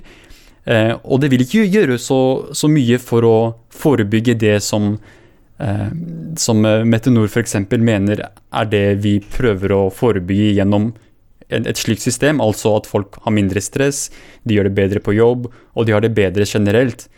Eh, Fordi, ja, som sagt, folk vil jobbe, sånn som Mr. X som Ja, du vil jobbe, liksom, du vil ikke bare sitte på rommet. Det er, det, det, det, du vil bruke den energien du har, ikke sant?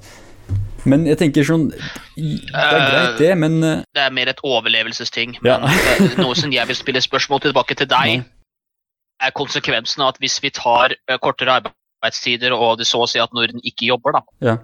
betyr ikke det bare at eh, folk i andre land må jobbe mer?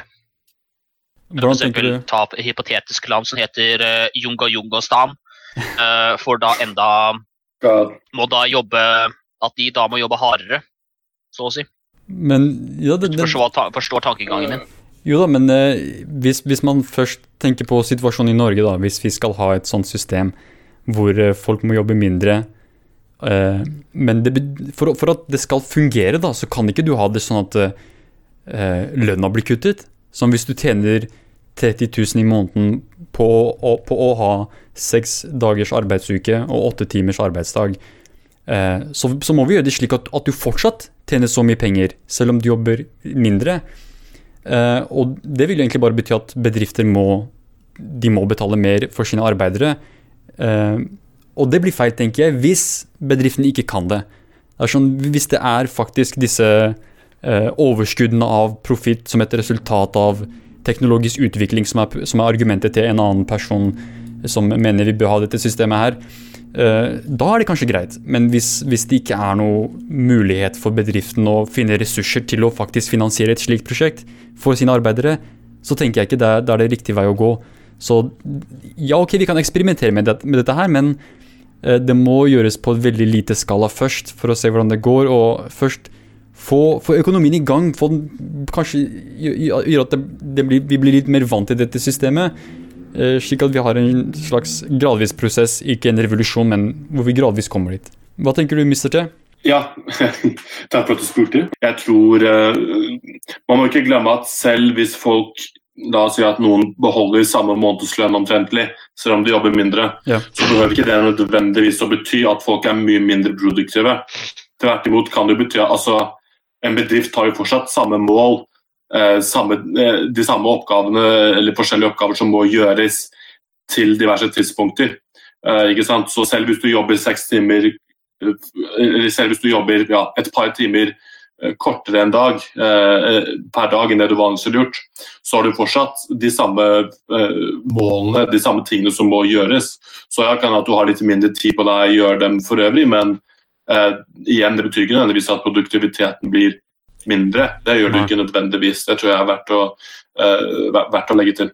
Ja. Um, og det touchet jo litt på det vi snakket om i stad.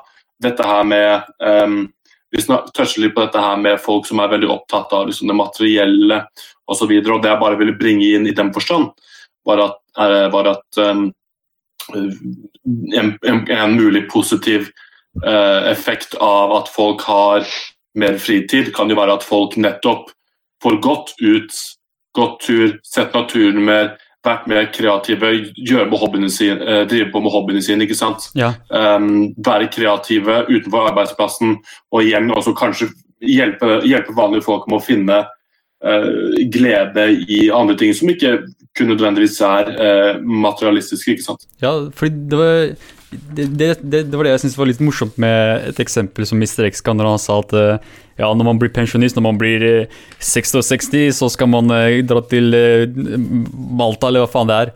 Det er sånn Hvorfor ventet du du er 66 før du gjør det du vil? Sånn, eller at du kan leve på den måten som gjør deg mer lykkelig. Sånn, gjør det nå! Sånn, hvis, du, hvis du drøyer, hvis du bare drøyer hele tida og jeg skal gjøre det når jeg blir så gammel, det er sånn når du kommer til den alderen, så vil, så vil du være helt, sånn, helt annerledes, og du vil kanskje ikke eh, ha lyst lenger, eller du vil, du vil være så vant til den livsstilen du har nå, at du ikke kan tenke deg å leve slik du ville leve når du var litt yngre. Så bare lev livet ditt slik du vil leve det nå. Sånn, ikke, ikke drøy for lenge med sånne ting. Med å, med å finne no, noe som gir deg lykke i livet ditt. Og det må ikke være materialistiske ting. Det, absolutt ikke. Det er, man, vi bare tror det, siden vi blir på en måte ja, fòret, eh, en slags tankegang gjennom, gjennom medier hele tida ved å se på folk som Kanye West, og Kim Kardashian, og fuckings alle disse folka på Snapchat og alle disse Har du ikke den siste iPhonen, så er du en taper. Nettopp. Så, Den mentaliteten. ja. Men eh, det, det er jo Alle vil jo ha en iPhone, alle, alle vil jo ha den nyeste teknologien. Jo da, det er, det er litt sånn, sånn Jeg vil ikke ha en iPhone, ass. Æsj. Vanlige folk sånn Vi er ikke vanlige folk, men, men Jeg, vanlige folk jeg velger å tro at vanlige folk har mer vett enn det, faktisk. Nei, jeg tror nok folk Eller fleste. folk. Folk vil bare ha det gøy. Sånn, de, vil, de vil ha sin egen realitet til virkelighet. Sånn, de, alle tror at hele verden er bare en film, og de er hovedpersonen. Så alle, vil, alle tenker meg, meg, meg, meg, meg, meg, meg. Å, den bussen kom! Den kom hit for meg! Sånn, å, den sitteplassen er ledig! Den, er for meg! Er sånn, folk lever i den, den situasjonen fortsatt, den tankegangen fortsatt, så det blir veldig vanskelig å eh, komme til det punktet hvor folk heller bruker tiden sin på kreativitet og filosofisk tenking og alt det der. Jeg tror vi fortsatt er i en situasjon hvor folk flest vil bare De, de vil bare ha den sydenturen, de vil bare ha den nye, nye iPhone eller eh, De vil drikke seg drita og fuckings feste ute i byen hele tida. Det er sånn det, det er noe veldig sånn dyrisk ved det, men det er bare sånn vi mennesker er. Vi, vi liker nytelse litt for mye, og vi legger for mye sånn eh, verdi på det. Sånn ja, ok, alle disse tingene, sånn som det å ruse seg og det å eh, det, det å spise god mat, det å være på et, et fint sted, det å, det å ha sex med alle disse prostituerte pornostjernene og alt det der. Ja, det er sikkert fint, det, men det, er, det, må nok være, det må nok være noe mer med livet enn bare det. Sånn Selvfølgelig er det mye mer til livet enn bare det, men det er Man må nok ikke tenke over dette bildet som blir malt i samfunnet også, hvor det er sånn Kos er lik eh, at man liksom skal feste, at man skal være sammen, eh, hele familien og hele vennegjengen samtidig og gjøre alle disse tingene. ikke sant? Det er, det er liksom denne veldig overdrevne, intense eh, tegninga som blir fremstilt ikke sant? av hvordan kos skal være, hvordan fest skal være, hvordan sex og samliv skal være. ikke sant? ja. det er en veldig man har den idealiseringen av diverse ting som blir pushet via sosiale medier, via TV, via eh, diverse faktorer ikke sant, som pusher at dette er Hvis du ikke har dette, hvis du ikke gjør dette, hvis du ikke holder på med dette og dette her, hva gjør du? ikke sant? Det er, litt, det er, det er jo den tanken som blir pushet, og det vil jo du hvis du som er eh, medieviter. Men jeg tenker det, Bare for å si det sånn, ja, ok, sosiale medier og medier de har en viss effekt, men eh, sånn, sosiale medier i seg selv, jeg tror veldig mye av sånn, dens påvirkningskraft blir overdrevet av folk, sånn som når man refererer til den arabiske våren. sånn, å, sosiale medier, sosiale medier, sosiale medier. Sånn, ja, ok, greit, men det, det var mer enn sosiale medier. Det var eh, plakater, det var folk som gikk rundt i gatene, det var mye mer enn bare sosiale medier. De fleste ganger så hadde de ikke internett i det hele tatt. Men altså generelt, ja, selvfølgelig. Nå tenker jeg kanskje litt mer lokalt. da, litt mer altså, Ja, her i Norge og alt det der, ja, selvfølgelig. Det er jo, det er jo sånn det sånn, Alt du trenger, er å dra ut på byen, og så bare hører du et par folk snakke om et eller annet, så bare OK. Så det er, det slik folk tenker. De er, det er i den bobla. Den kjendis-Hollywood-aktige bobla. Sånn Ja. Men eh, jeg vet ikke, jeg vet ikke hva jeg syns om akkurat det, altså, for å være helt ærlig. Mr. X. Ingen kommentarer, Mr. X. Mhm. Men ja, nok om dette her, så jeg, jeg, jeg tenker det er, greit å, det er greit å bare teste dette forslaget til uh, Metenor, men uh, det er som sagt Det er fortsatt veldig mye usikkerhet, og eh, det, det er noe som ikke bare Norge må vurdere, men hele verden må vurdere hvis vi først skal få det til å fungere, nettopp fordi verdensøkonomien er jo så fuckings knytta sammen og alt det der. Men eh, la oss gå videre til noe enda mer eh, fucka, noe mer tungt. Og det er den situasjonen i Jemen Mm. som jeg vil påstå ikke blir snakket nok om i mediene generelt. Så jeg må alltid grave fram nyhetssaker om Jemen. Det er ikke sjelden jeg ser Jemens nyheter på, på forsiden, liksom, eller i avisen i det hele tatt, for å være helt ærlig. Eh, Så greia er at det, skjer, det foregår en slags eh, politisk konflikt i Jemen, og som et resultat av denne konflikten så får man jo de typiske eh, effektene av konflikt og krig. Og det er folk som flykter, eh, folk som dør, og folk som sulter. Og NRK har skrevet en artikkel her som sier eh, folk spiser blader, altså blader på trær, fordi de ikke har noen annen form for næring. det er det som foregår i Jemen, altså. At folk spiser blader fordi det er den eneste type næringen de kan få tak i, fordi det er mangel på mat, og det er, det er såpass mye sult. Eh, så bare la meg lese et par sitater her. Eh, Mark Low Lowcock, litt uheldig navn. Eh, vi er kanskje i ferd med å nå et vendepunkt der det ikke lenger vil være mulig å hindre massivt tap av liv som resultat av sulten som sprer seg i landet. Det sa han til FNs sikkerhetsråd fredag. Og han sier vi taper kampen mot sult. Situasjonen er mørk, og den er blitt klart verre de siste ukene. Så bare for å gi litt sånn background facts om akkurat situasjonen i Jemen. Eh, det er viktig å vite at eh, USA og Saudi-Arabia som Selvfølgelig Saudi-Arabia er involvert, men også USA er involvert i denne, eh, denne situasjonen i Jemen.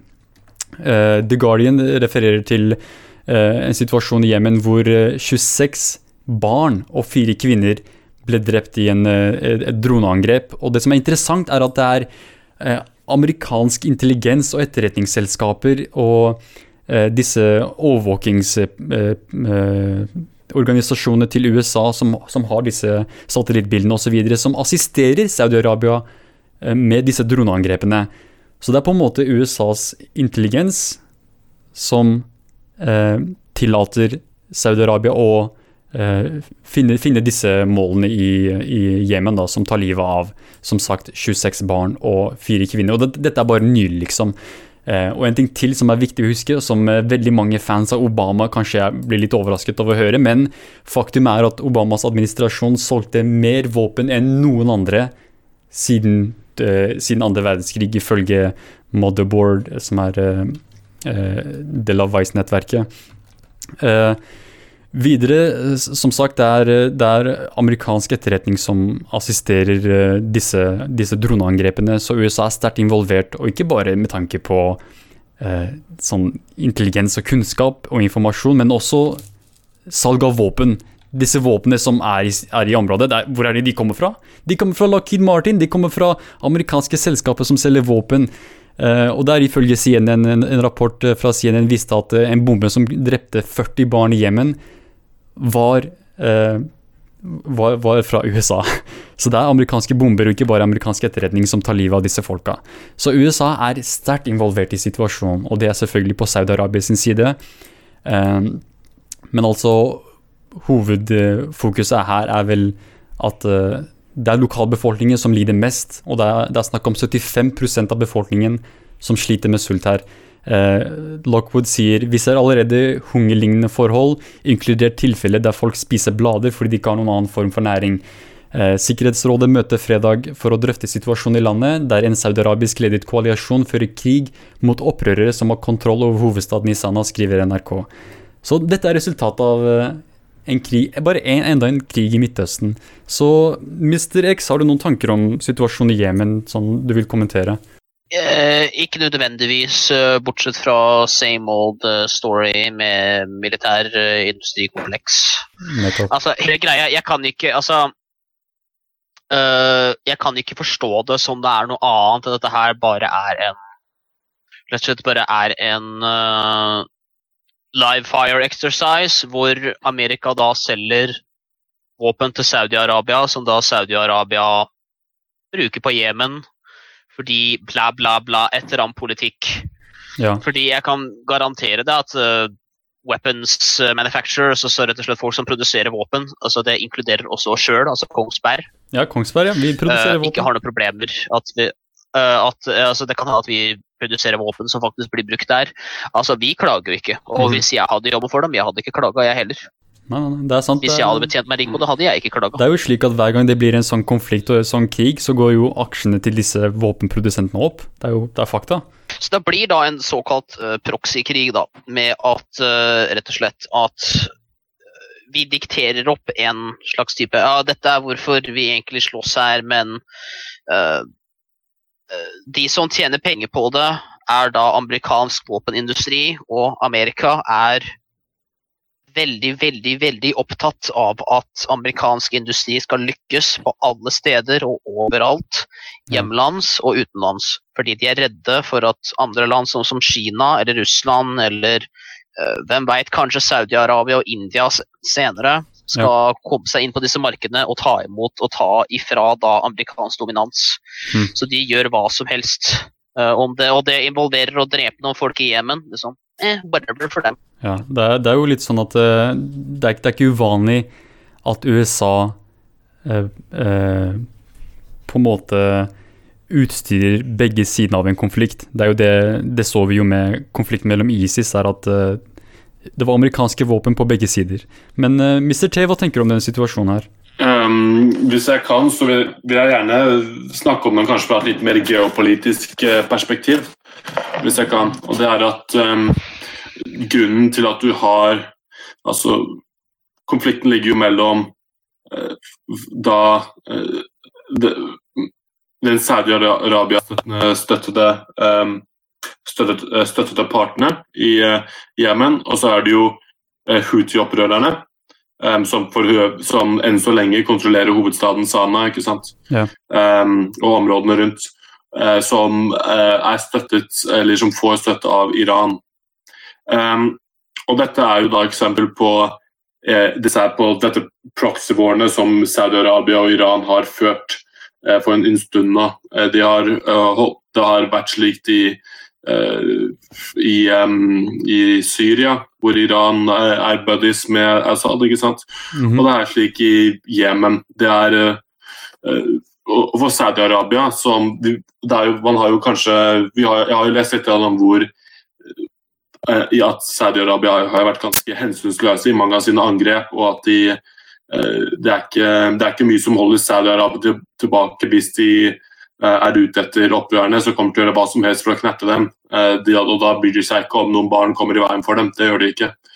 Um, Saudi-Arabia har, har fått kritikk fra noen hold, noen hold i hvert fall, om ikke sterkt nok, i hvert fall noen hold, eh, for sin brutale, eh, brutale metoder eh, i deler av denne krigen her. Um, men, og det som er interessant, er at eh, for Saudi- for Saudi-Arabia er dette ekstremt viktig, fordi at dette er ikke bare um, liksom Shia versus um, uh, Shia versus uh, eh, Sunni uh, eh, Dette er ikke bare det, dette handler om plassering. Um, en, av, en av de tingene som Saudi-Arabia frykter mest med Iran, uh, det har med å gjøre med at Iran uh, Iran ligger rundt uh, Strait of Hormuz, ikke sant? Okay. Um, som er en passasje som, som Saudi-Arabia sine oljetankere må forbi. Om de skal levere oljen sin til, for å få oljen sin til USA til andre land. Um, Iran er en geografisk posisjon hvor de kan, hvor de kan knipe igjen den, den gangen hvis de vil. Så alle som, hvis det er noe som alle dere som hører på nå, burde egentlig bare slå opp et kart foran dere, så kommer du til å skjønne hva jeg snakker om. Eh, og Saudi-Arabia er jo livredd for at skulle det bli en konflikt med Iran, Ja. så kan Iran stenge av deres, eh, til, deres mulighet til å bruke um, for å stenge av deres mulighet til å få oljetankeren sin ut. Som ville vært katastrofalt med tanke på hvor oljeavhengig Saudi-Arabia er. Eh, på, hvor, olje, altså hvor avhengig det er av oljeøkonomien sin.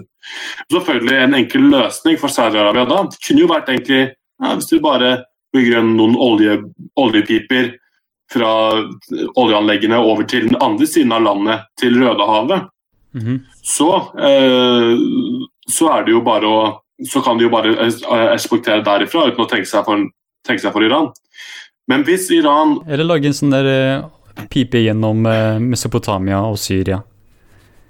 ja, er, eh, Men ikke, ikke, ikke, så lenge, ikke så lenge Iran er der. Ikke så lenge Iran er der. Men de har fått det Hvis ganske Iran, er, hvis Iran også Hæ? De har gjort en bra jobb nå, da, sånn å få dette prosjektet til å bli sannhet, på en måte. De Ja, men så lenge, men så lenge, hvis, så lenge Syria er sadig med Iran, så kommer ikke det til å skje med det første. Mhm. Men her er poenget mitt. Ja. Um, hvis Jeg vet jeg, jeg snakker litt en stund om, jeg kan bare runde av med å si at hvis Iran får, altså hvis de iranstøttede styrkene får kontroll i Jemen, Mhm. så kommer de også til å ha en strategisk eh, bekymring for Saudi-Arabia. Ikke bare fordi at de da har Saudi-Arabia, eh, Irans allierte sør for seg, men også fordi at da kan Iran også knipe av gangen. Det er en veldig, igjen en veldig trang passasje mellom, mellom Jemen og Djibouti.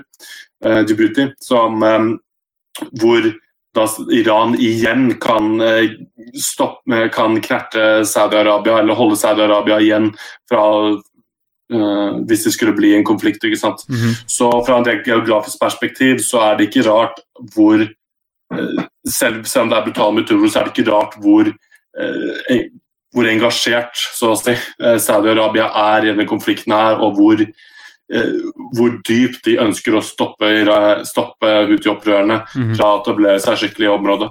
Ja. Sånn, konflikt vil det alltid være i Midtøsten, vil jeg si. Nettopp pga. plassering. Det er det er, det er, så uheldig at det finnes så mye olje i akkurat dette området. For det er akkurat dette området som det har vært så jævlig mye bråk om. Nettopp fordi plasseringen er fucked up, og plasseringen og kartene og alt det her er, er basert på bullshit. Det er ikke basert, det er akkurat som i Afrika, det er ikke basert på noe eh, sånn eh, Hva heter det logisk eh, tankegang. Det er ikke noe snakk om å, her bor denne etniske befolkningen, her bor denne religionen, her bor denne folkegruppen, så la oss tegne kartet rundt det. Nope. Det handler om ok, dette området her har så mye olje, så vi kan tjene så mye penger på det. Dette området her har så mange av disse ressursene, så vi kan tjene så mye på det. Det er det det handler om. Så eh, plasseringen er helt fucked up. Det er noe som Midtøsten generelt må endre på, men det vil ikke skje eh, snart. Det vil nok skje kanskje om 200 år, hvis vi er heldige. Fordi eh, maktstrukturen akkurat der nå er såpass stabil, vil jeg si. At uh, noe snakk om kartendring vil ikke skje uh, Det vil ikke skje nylig. Det vil, det vil skje kanskje om ja, et par århundre. Um, men det, som, som, sagt, det som irriterer meg mest, er nettopp det her med at uh, det, er jo, det er jo ikke opprørerne eller saudi-arabiske soldatene som lider under krig Sånn, de lever av dette her. Det, er det, de, eh, det er det som holder de gående. Men når 75 av befolkningen trenger nødhjelp, da snakker vi om fucka tilstander. Og når vi først snakker om eh, politikk som sier 'la oss hjelpe dem der de er', istedenfor å hjelpe dem her, vel, eh, jeg ser ikke noe forslag til å hjelpe folka i Jemen. Så når vi får alle disse flyktningene fra Jemen, så, så tenker jeg da blir det sånn Ja, hva, hva skal man gjøre? Sånn, vi hjalp dem ikke der, så kanskje vi bør hjelpe dem her. Hvis de først kommer hit. Da, fordi ja, jeg tenker Hvis det er noen som trenger hjelp, så er det faen meg folk i Jemen. Så alle Frp-ere eh, Jeg håper å se flere sånne eh, GoFundMe-kampanjer for å investere penger i, i, å hjelpe folk i Jemen. Hvis dere virkelig tror på det her med å hjelpe dem der, eh, istedenfor å hjelpe dem her. Men dette, dette, er bare et eksempel på hva som kommer til å skje. Jo mer krig det blir, jo mer eh, jo mer nødhjelp folk trenger, så vil folk flykte og, og, og flytte seg rundt. Så det vil bli mer uh, massemigrasjoner osv. Det, det må man bare forvente med måten ikke bare økonomien i verden fungerer, men også politikken. Så vi, vi må egentlig, når det kommer til sånn innvandringspolitikk, da, for eksempel, så må vi jo også tenke på, tenke på det på den måten at uh, ja, 2015 var ille med alle de som kom over Middelhavet, men det var bare en smakbit av uh, hva som virkelig kan skje hvis vi lar ting fortsette slik som det gjør, sånn som i Jemen eller uh, med tørke i, i uh, Øst-Afrika og, og, og Nord-Afrika også, med tanke på land som Libya, eller som, som, nå er en helt kaos. Sånn, hva, er det, hva, er det, siste dere har hørt om Libya? Sånn, for meg så, er, tenker jeg fortsatt på at det er, det er, liksom, det er ja, anarki. Sånn null, null, maks, null, null maksstruktur, ingenting. Sånn, hva, hva, skjedde med Libya, egentlig? Hvor, hvor er Libya? de byttet ut De byttet ut en De byttet relativt sett ut en, en warlord med uh, dusinvis av nye små warlords som styrer hvert sitt gatehjørne eller hver sin region. ikke sant? Ah. Så si hva du gjorde med Gaddafi. Uh, mye grusomheter han gjorde, men uh, det var, men det var en stabilitet der i hvert fall som uh, overhodet ikke er der nå. Den ideen om at liv, hvis, livet for den vanlige libyer har ikke blitt bedre etter, en, etter 2011. Det er bare, det er bare fakta. Ja, det er dessverre. Men eh, la oss prøve å gå over til litt mindre trist tema. For det er ganske triste saker. sånn, sånn tar faen meg energien ut av det. Sånn, hver gang jeg snakker om disse tinga, så blir jeg bare jævlig sliten og vil bare sånn gi opp. Sånn fuck it, nå er jeg altfor sliten, ass. For det er, det er så fucka nyheter. Men Det er verden man lever i, vet du. Det er, ikke, det er mye triste nyheter å gå rundt, ikke sant. det er det. Men la oss, eh, la oss gå over tilbake til Norge her og gå opp til Bodø, hvor eh, noe ganske interessant har skjedd. Ehm, så hvis du ikke visste om det, så er det slik at eh, politiet i Bodø, eh, etter veldig mange sånn mistenkelige saker rundt eh, ulovlige rusmidler, så har politiet i Bodø bestemt seg for å bruke metoder som eh, mobilovervåking og kommunikasjonsovervåking for å på en måte etterforske VGS-elever i Bodø, i Bodø videregående skole, som er en av de største skolene i Norge. Eh, og det, dette er snakk om overvåking, så de sitter og ser på kommunikasjon og ser hva som skjer, og det er, det er ganske sånn wow mot, mot videregående elever, av alle folk. Sånn, er ikke dette noe man gjør med mafiafolk? Sånn, når du skal arrestere alle disse mafiafolka og disse bakmennene som tjener milliarder, men du bruker det på videregående skoleelever? Virkelig? Sånn, wow. Ok, så, så politifolka i Bodø er spesielle folk, for å si det mildt. Eh, og det er spesielt med referanse til han der eh, kriminalsjef Knut Voldemar Solli, eh, som har kommet ut med et, et interessant argument, eller en, en påstand, vil jeg si. Og det er dette her med at de frykter at e-sigaretter, altså vaping og sånt, kan gjøre det enklere for ungdom å starte med cannabis. Altså at det å vape er en slags inngangsport til å bruke eh, rusmidler som Norge mener er eh, best å holde ulovlig. Eh, bare la meg eh, eh, kort lese hva NRK skriver her. Eh, Etter flere bekymringsmeldinger om salg av eh, rusmidler blant elever, slo politiet med aksjon på Bodø videregående skole. Minst 60 elever mistenkes for rusmiddelkriminalitet ved skolen, som er landets fjerde største. Flere saker er fortsatt under behandling, opplyser politiet til NRK. I etterkant av aksjonen har politiet avholdt informasjonsmøte med foreldre til elever ved skolen, hvor de bl.a. har sagt at e-sigaretter kan gjøre det enklere for ungdom å, starte med rusmidler. Og så sier eh, politiet vi ser at e-sigaretter kan være en inngang til å begynne å bruke hasj og marihuana. Eh, det er en av flere ting vi er innom, eh, som vi ber foreldre være oppmerksomme på. Vi har forsøkt å opplyse foreldre om situasjonen, hvordan den har vært og er, og også samtidig peke på flere generelle ting vi ønsker at de skal være oppmerksomme på, sier kriminalsjef på Bodø politistasjon Knut Valdemar Solli.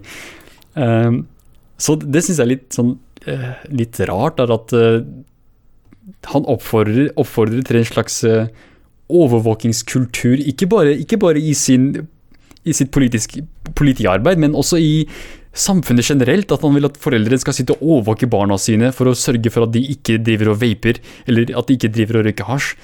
Sånn, ja, vi, vi bør ikke ha rusbruk blant ungdom, og vi bør gjøre alt vi kan for å forebygge det og forhindre det.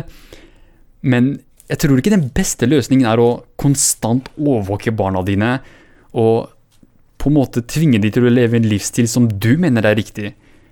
Det er jo akkurat det som ofte gjør at ungdom begynner med ulovlige rusmidler, nettopp fordi det er så tabu og det er så risikofullt at de tenker sånn fuck it, la oss gjøre det fordi det er, det er, det er gangster, det det er jævlig heftig, det de gjør oss mer voksne, gjør, de gjør oss rebelske.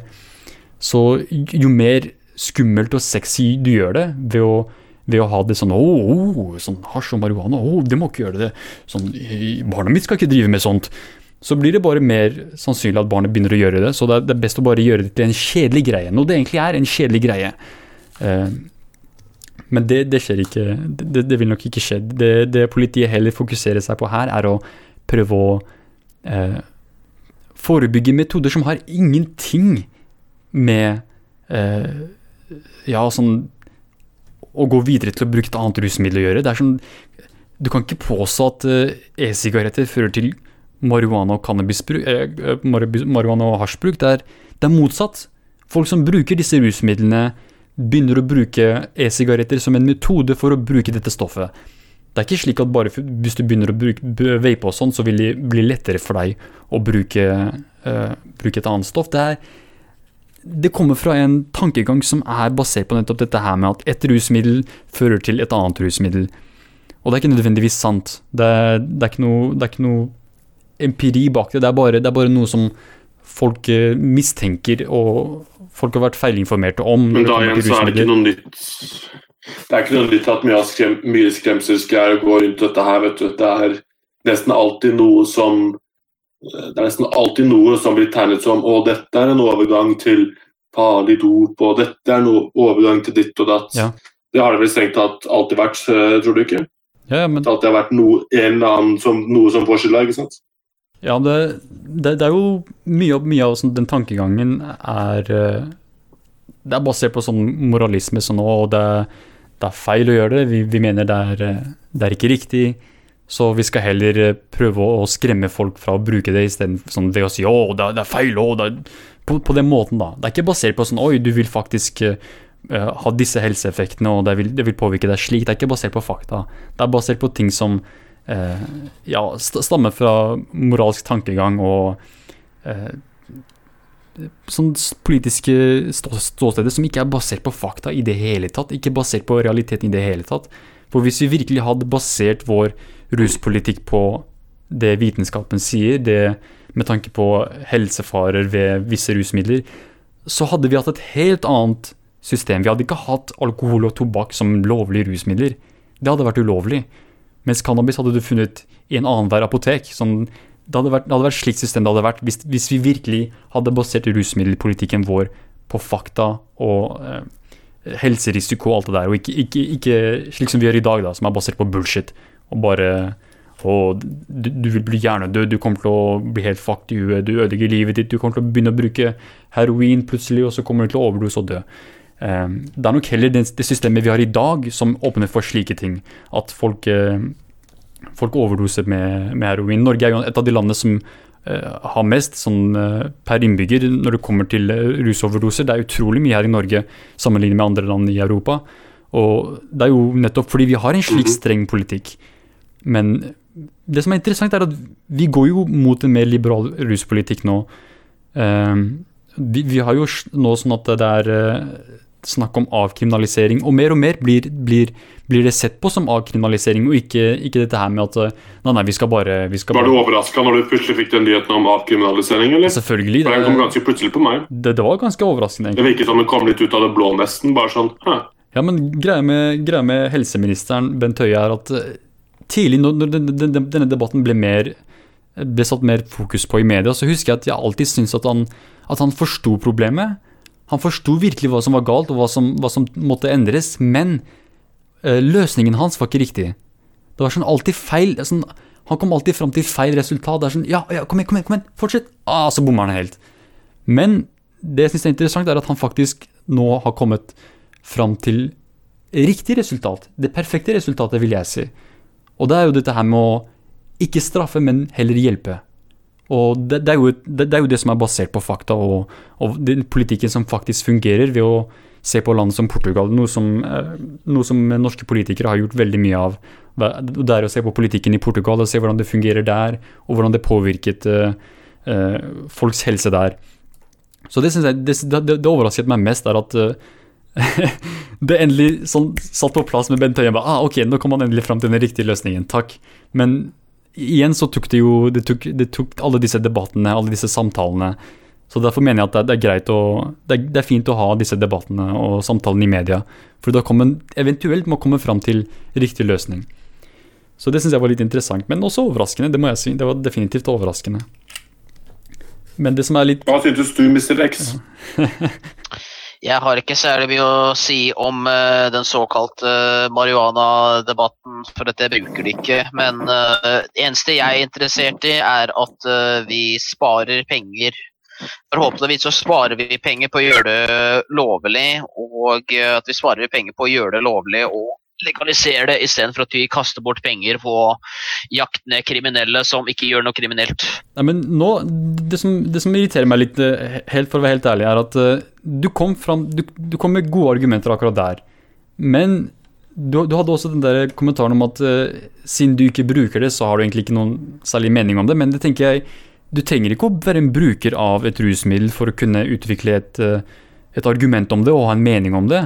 Så jeg tenker det er kanskje enda bedre. Jeg mener heller at uh, jeg, bryr, jeg, bryr, meg ikke om særlig mye om bruken sjøl. Det, det, det, eneste jeg bryr meg om, er at uh, folk ikke blir uh, unødvendig drept for et relativt harmløst relativt harmløst dop. Ja, i, i sammenligning som folk, brukt, som folk bruker til terapi mer enn noe annet. Ja, ok. Fair enough. Fair enough. Det, det er jo slik mye av det er basert på sånn, ja, som, som Mr. T refererte til, skremselspropaganda og alt det der. Og, eh, men hvis, hvis, vi faktisk ja, følger vitenskap, følger fakta, så vil de jo som sagt også tjene mer, tjene mer på det økonomiske også. Når vi først snakket om alle disse, mm. og, om det å skape flere jobber og eh, ikke bli erstattet av roboter Dette er kanskje en måte vi kan øke sysselsettingen i Norge på ved å eh, ha, ha et, ja, et, slags system hvor vi selger eh, cannabis lovlig. Men ja, det, det, er lenge til. for hver Hva er det du sier, mister? At hvis, hvis vi bare lovliggjør alt sammen, så kommer robotene til å gå vekk hvis alle røyker hasj? Men kanskje det, de gjør folk dude, if we eh, just, ja. if, dude, if we, maybe we can just smoke them away, dude. It won't take my job. Nei da. Men uh, bare for å nevne det også, sånn, uh, tilbake til denne artikkelen, og denne påstanden til uh, Bodø-politiet. En rusforsker har faktisk sett på dette argumentet, og han sier det er først og fremst en bekymring som gjentas mange ganger, og som dermed blir en sannhet som lever sitt eget liv. Her snakker vi om ungdom som ofte er risikosøkere, som gjerne vil prøve veldig mye forskjellig. Vi har registreringer som sier at noen ungdom bruker e-sigaretter for inntak av cannabisvarianter, men det kan også være bl.a. Uh, eh, ungdom som uansett hadde brukt cannabis. Uh, da vet man ikke om det er e-sigaretten som rekrutterer nye brukere, eller om det bare er en ny metode for dem som allerede bruker. Uh, så han er spot on her. han sier videre vi har ikke i vår forskning avdekket noen holdepunkter for å kunne si det at det finnes noen overgang fra å starte med e-sigaretter til det eh, som blir sitert som narkotikakarriere. Sa han at, um, at, en del av utfordringen var at folk kunne ta uh, for at de kan ta cannabisaktige stoffer i vape, uh, vapen sin? Det er, det er jo det som er en av uh, måtene man bruker vaping på, er en annen måte å få disse, disse kjemikaliene inn. ja. Ja, men altså at de bruker liksom, at de får At de bruker det som en At de bruker cannabisstoffer i vapen, da. Ja. Er det det, var det det de nevnte? Ja. Nei, men politiet, det, mener, politiet jo... mener, bare at uh, generelt det å bruke det vil føre til det. Ok, for hvis det var, hvis det var slik at uh, du nevnte at, at uh, det var fordi at man kunne ta cannabisaktive stoffer i vapen og bruke det noe, og ha noe sånn cannabisaktiv vape juice, ja. så um, da kan man jo bare Hvis det er noen som ville argumentert det, så kan man jo bare si at ok, da burde vi banne brownies, da, fordi at det kan være en overgang til hash brownies, liksom. Ha. Det er samme logikken omtrentlig man kunne brukt der, tror du ikke? Jo da, er, men så, sån, sån, sånne, polit, sånne, argumenter som uh, politiet kommer med, da. Sånne argumenter, det, de er sånn uh, Vi som analyserer det og ser på det, da, fordi vi, vi er jo interessert i debatten og alt det der, jeg tror vi overdriver vår Eller vi overvurderer kunnskapen til disse folka. Det er sånn vi tenker Å, hva mener de egentlig det her eller det her? Egentlig ikke. Det, det, det, som egentlig foregår, er at de har ikke peiling på hva de snakker om.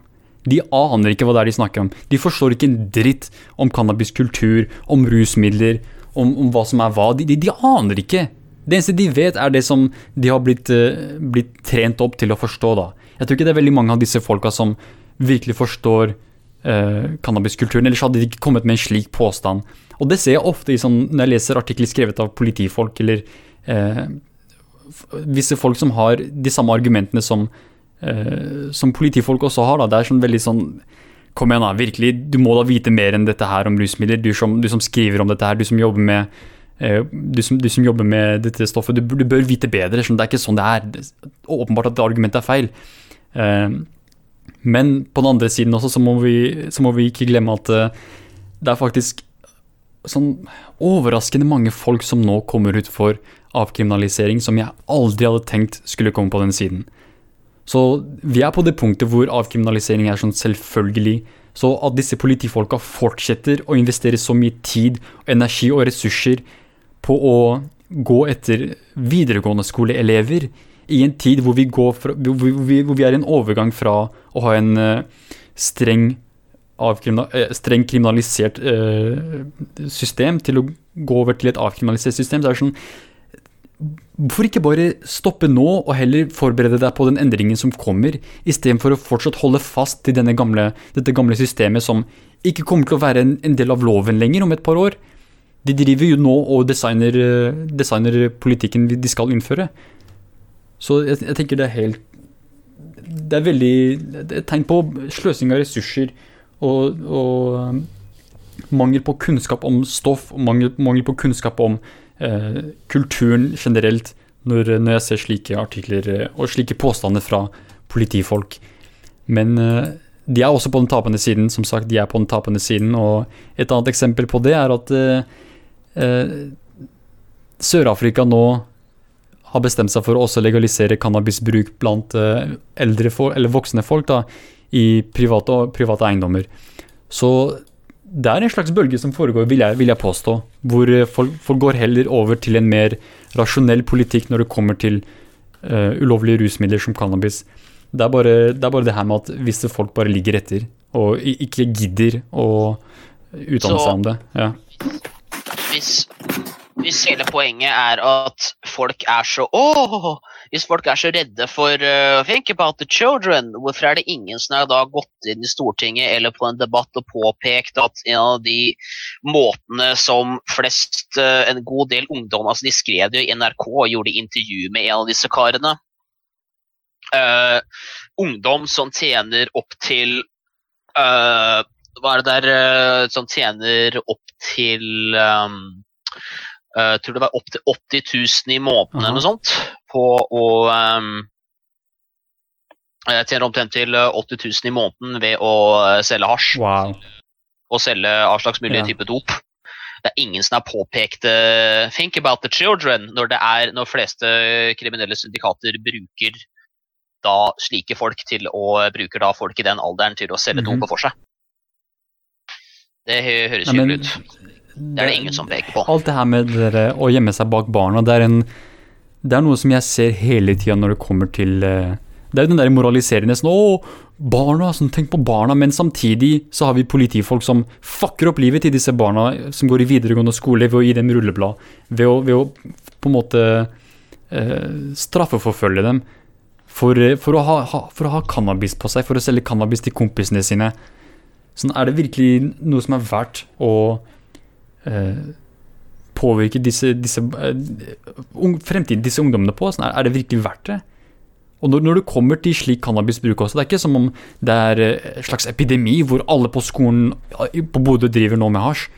Det er snakk om et, et, en spesifikk gruppe folk. Det er alltid slik. Det er alltid en spesifikk gruppe som holder på med det, og det er, det er en slags det er, det er sånn typisk videregående skoleoppførsel. Liksom. den gjengen du henger med, driver med det her, den gjengen der driver med det der. Det er ikke snakk om at det, alle på skolen her driver med det. This is what we call this is what we call reefer madness, people. Reefer madness. This drug will destroy your family and make you run over your family and your friends with cars. det, det, er litt sånn. Ja, det er fortsatt, det er fortsatt reefer madness. Det er sånn tankegang. Det er det. Jeez. Men ja, det, det, det, er, på den eh, tapende siden, right. heldigvis. Så vi ser en endring. Og uh, bare for sånn uh, referansevis så vil jeg anbefale en artikkel skrevet av Global Commission on Drugs. Uh, som har kommet ut med rapporten for 2008, hvor de snakker om regulering og hvordan man skal ha en det de kaller 'responsible control of drugs'. Så hvis du er interessert i dette temaet, så vil jeg anbefale denne rapporten. Um, men det får holde for oss på Kompisprat nå. Jeg vil takke Mr. T og Mr. X for at de joina meg og hjalp meg med denne, denne podkasten for å snakke litt mer om norsk politikk. Så gutta, takk for at dere joina. No problemo. Husk å like og abonner på denne kanalen for mer morsomt content. Ja, som, som Jemen. Så. Vi Så er det ja, ja. pikk som henger. Å, oh, gud. Ja. Lik. Men ja, sånn, ja del med venner hvis du syns det var interessant. Subscribe! subscribe. Del denne videoen. Lik, subscribe. Lag en ny kanal og subscribe en gang til, slik at vi kan få flere subscribers. garantert glede. Jeg har ikke så mange lyttere, men jeg har i hvert fall mer lyttere enn Glenn Beck. Det? Men ja, takk for at dere hørte på. Dette var Hivar, Mr. X og Mr. T.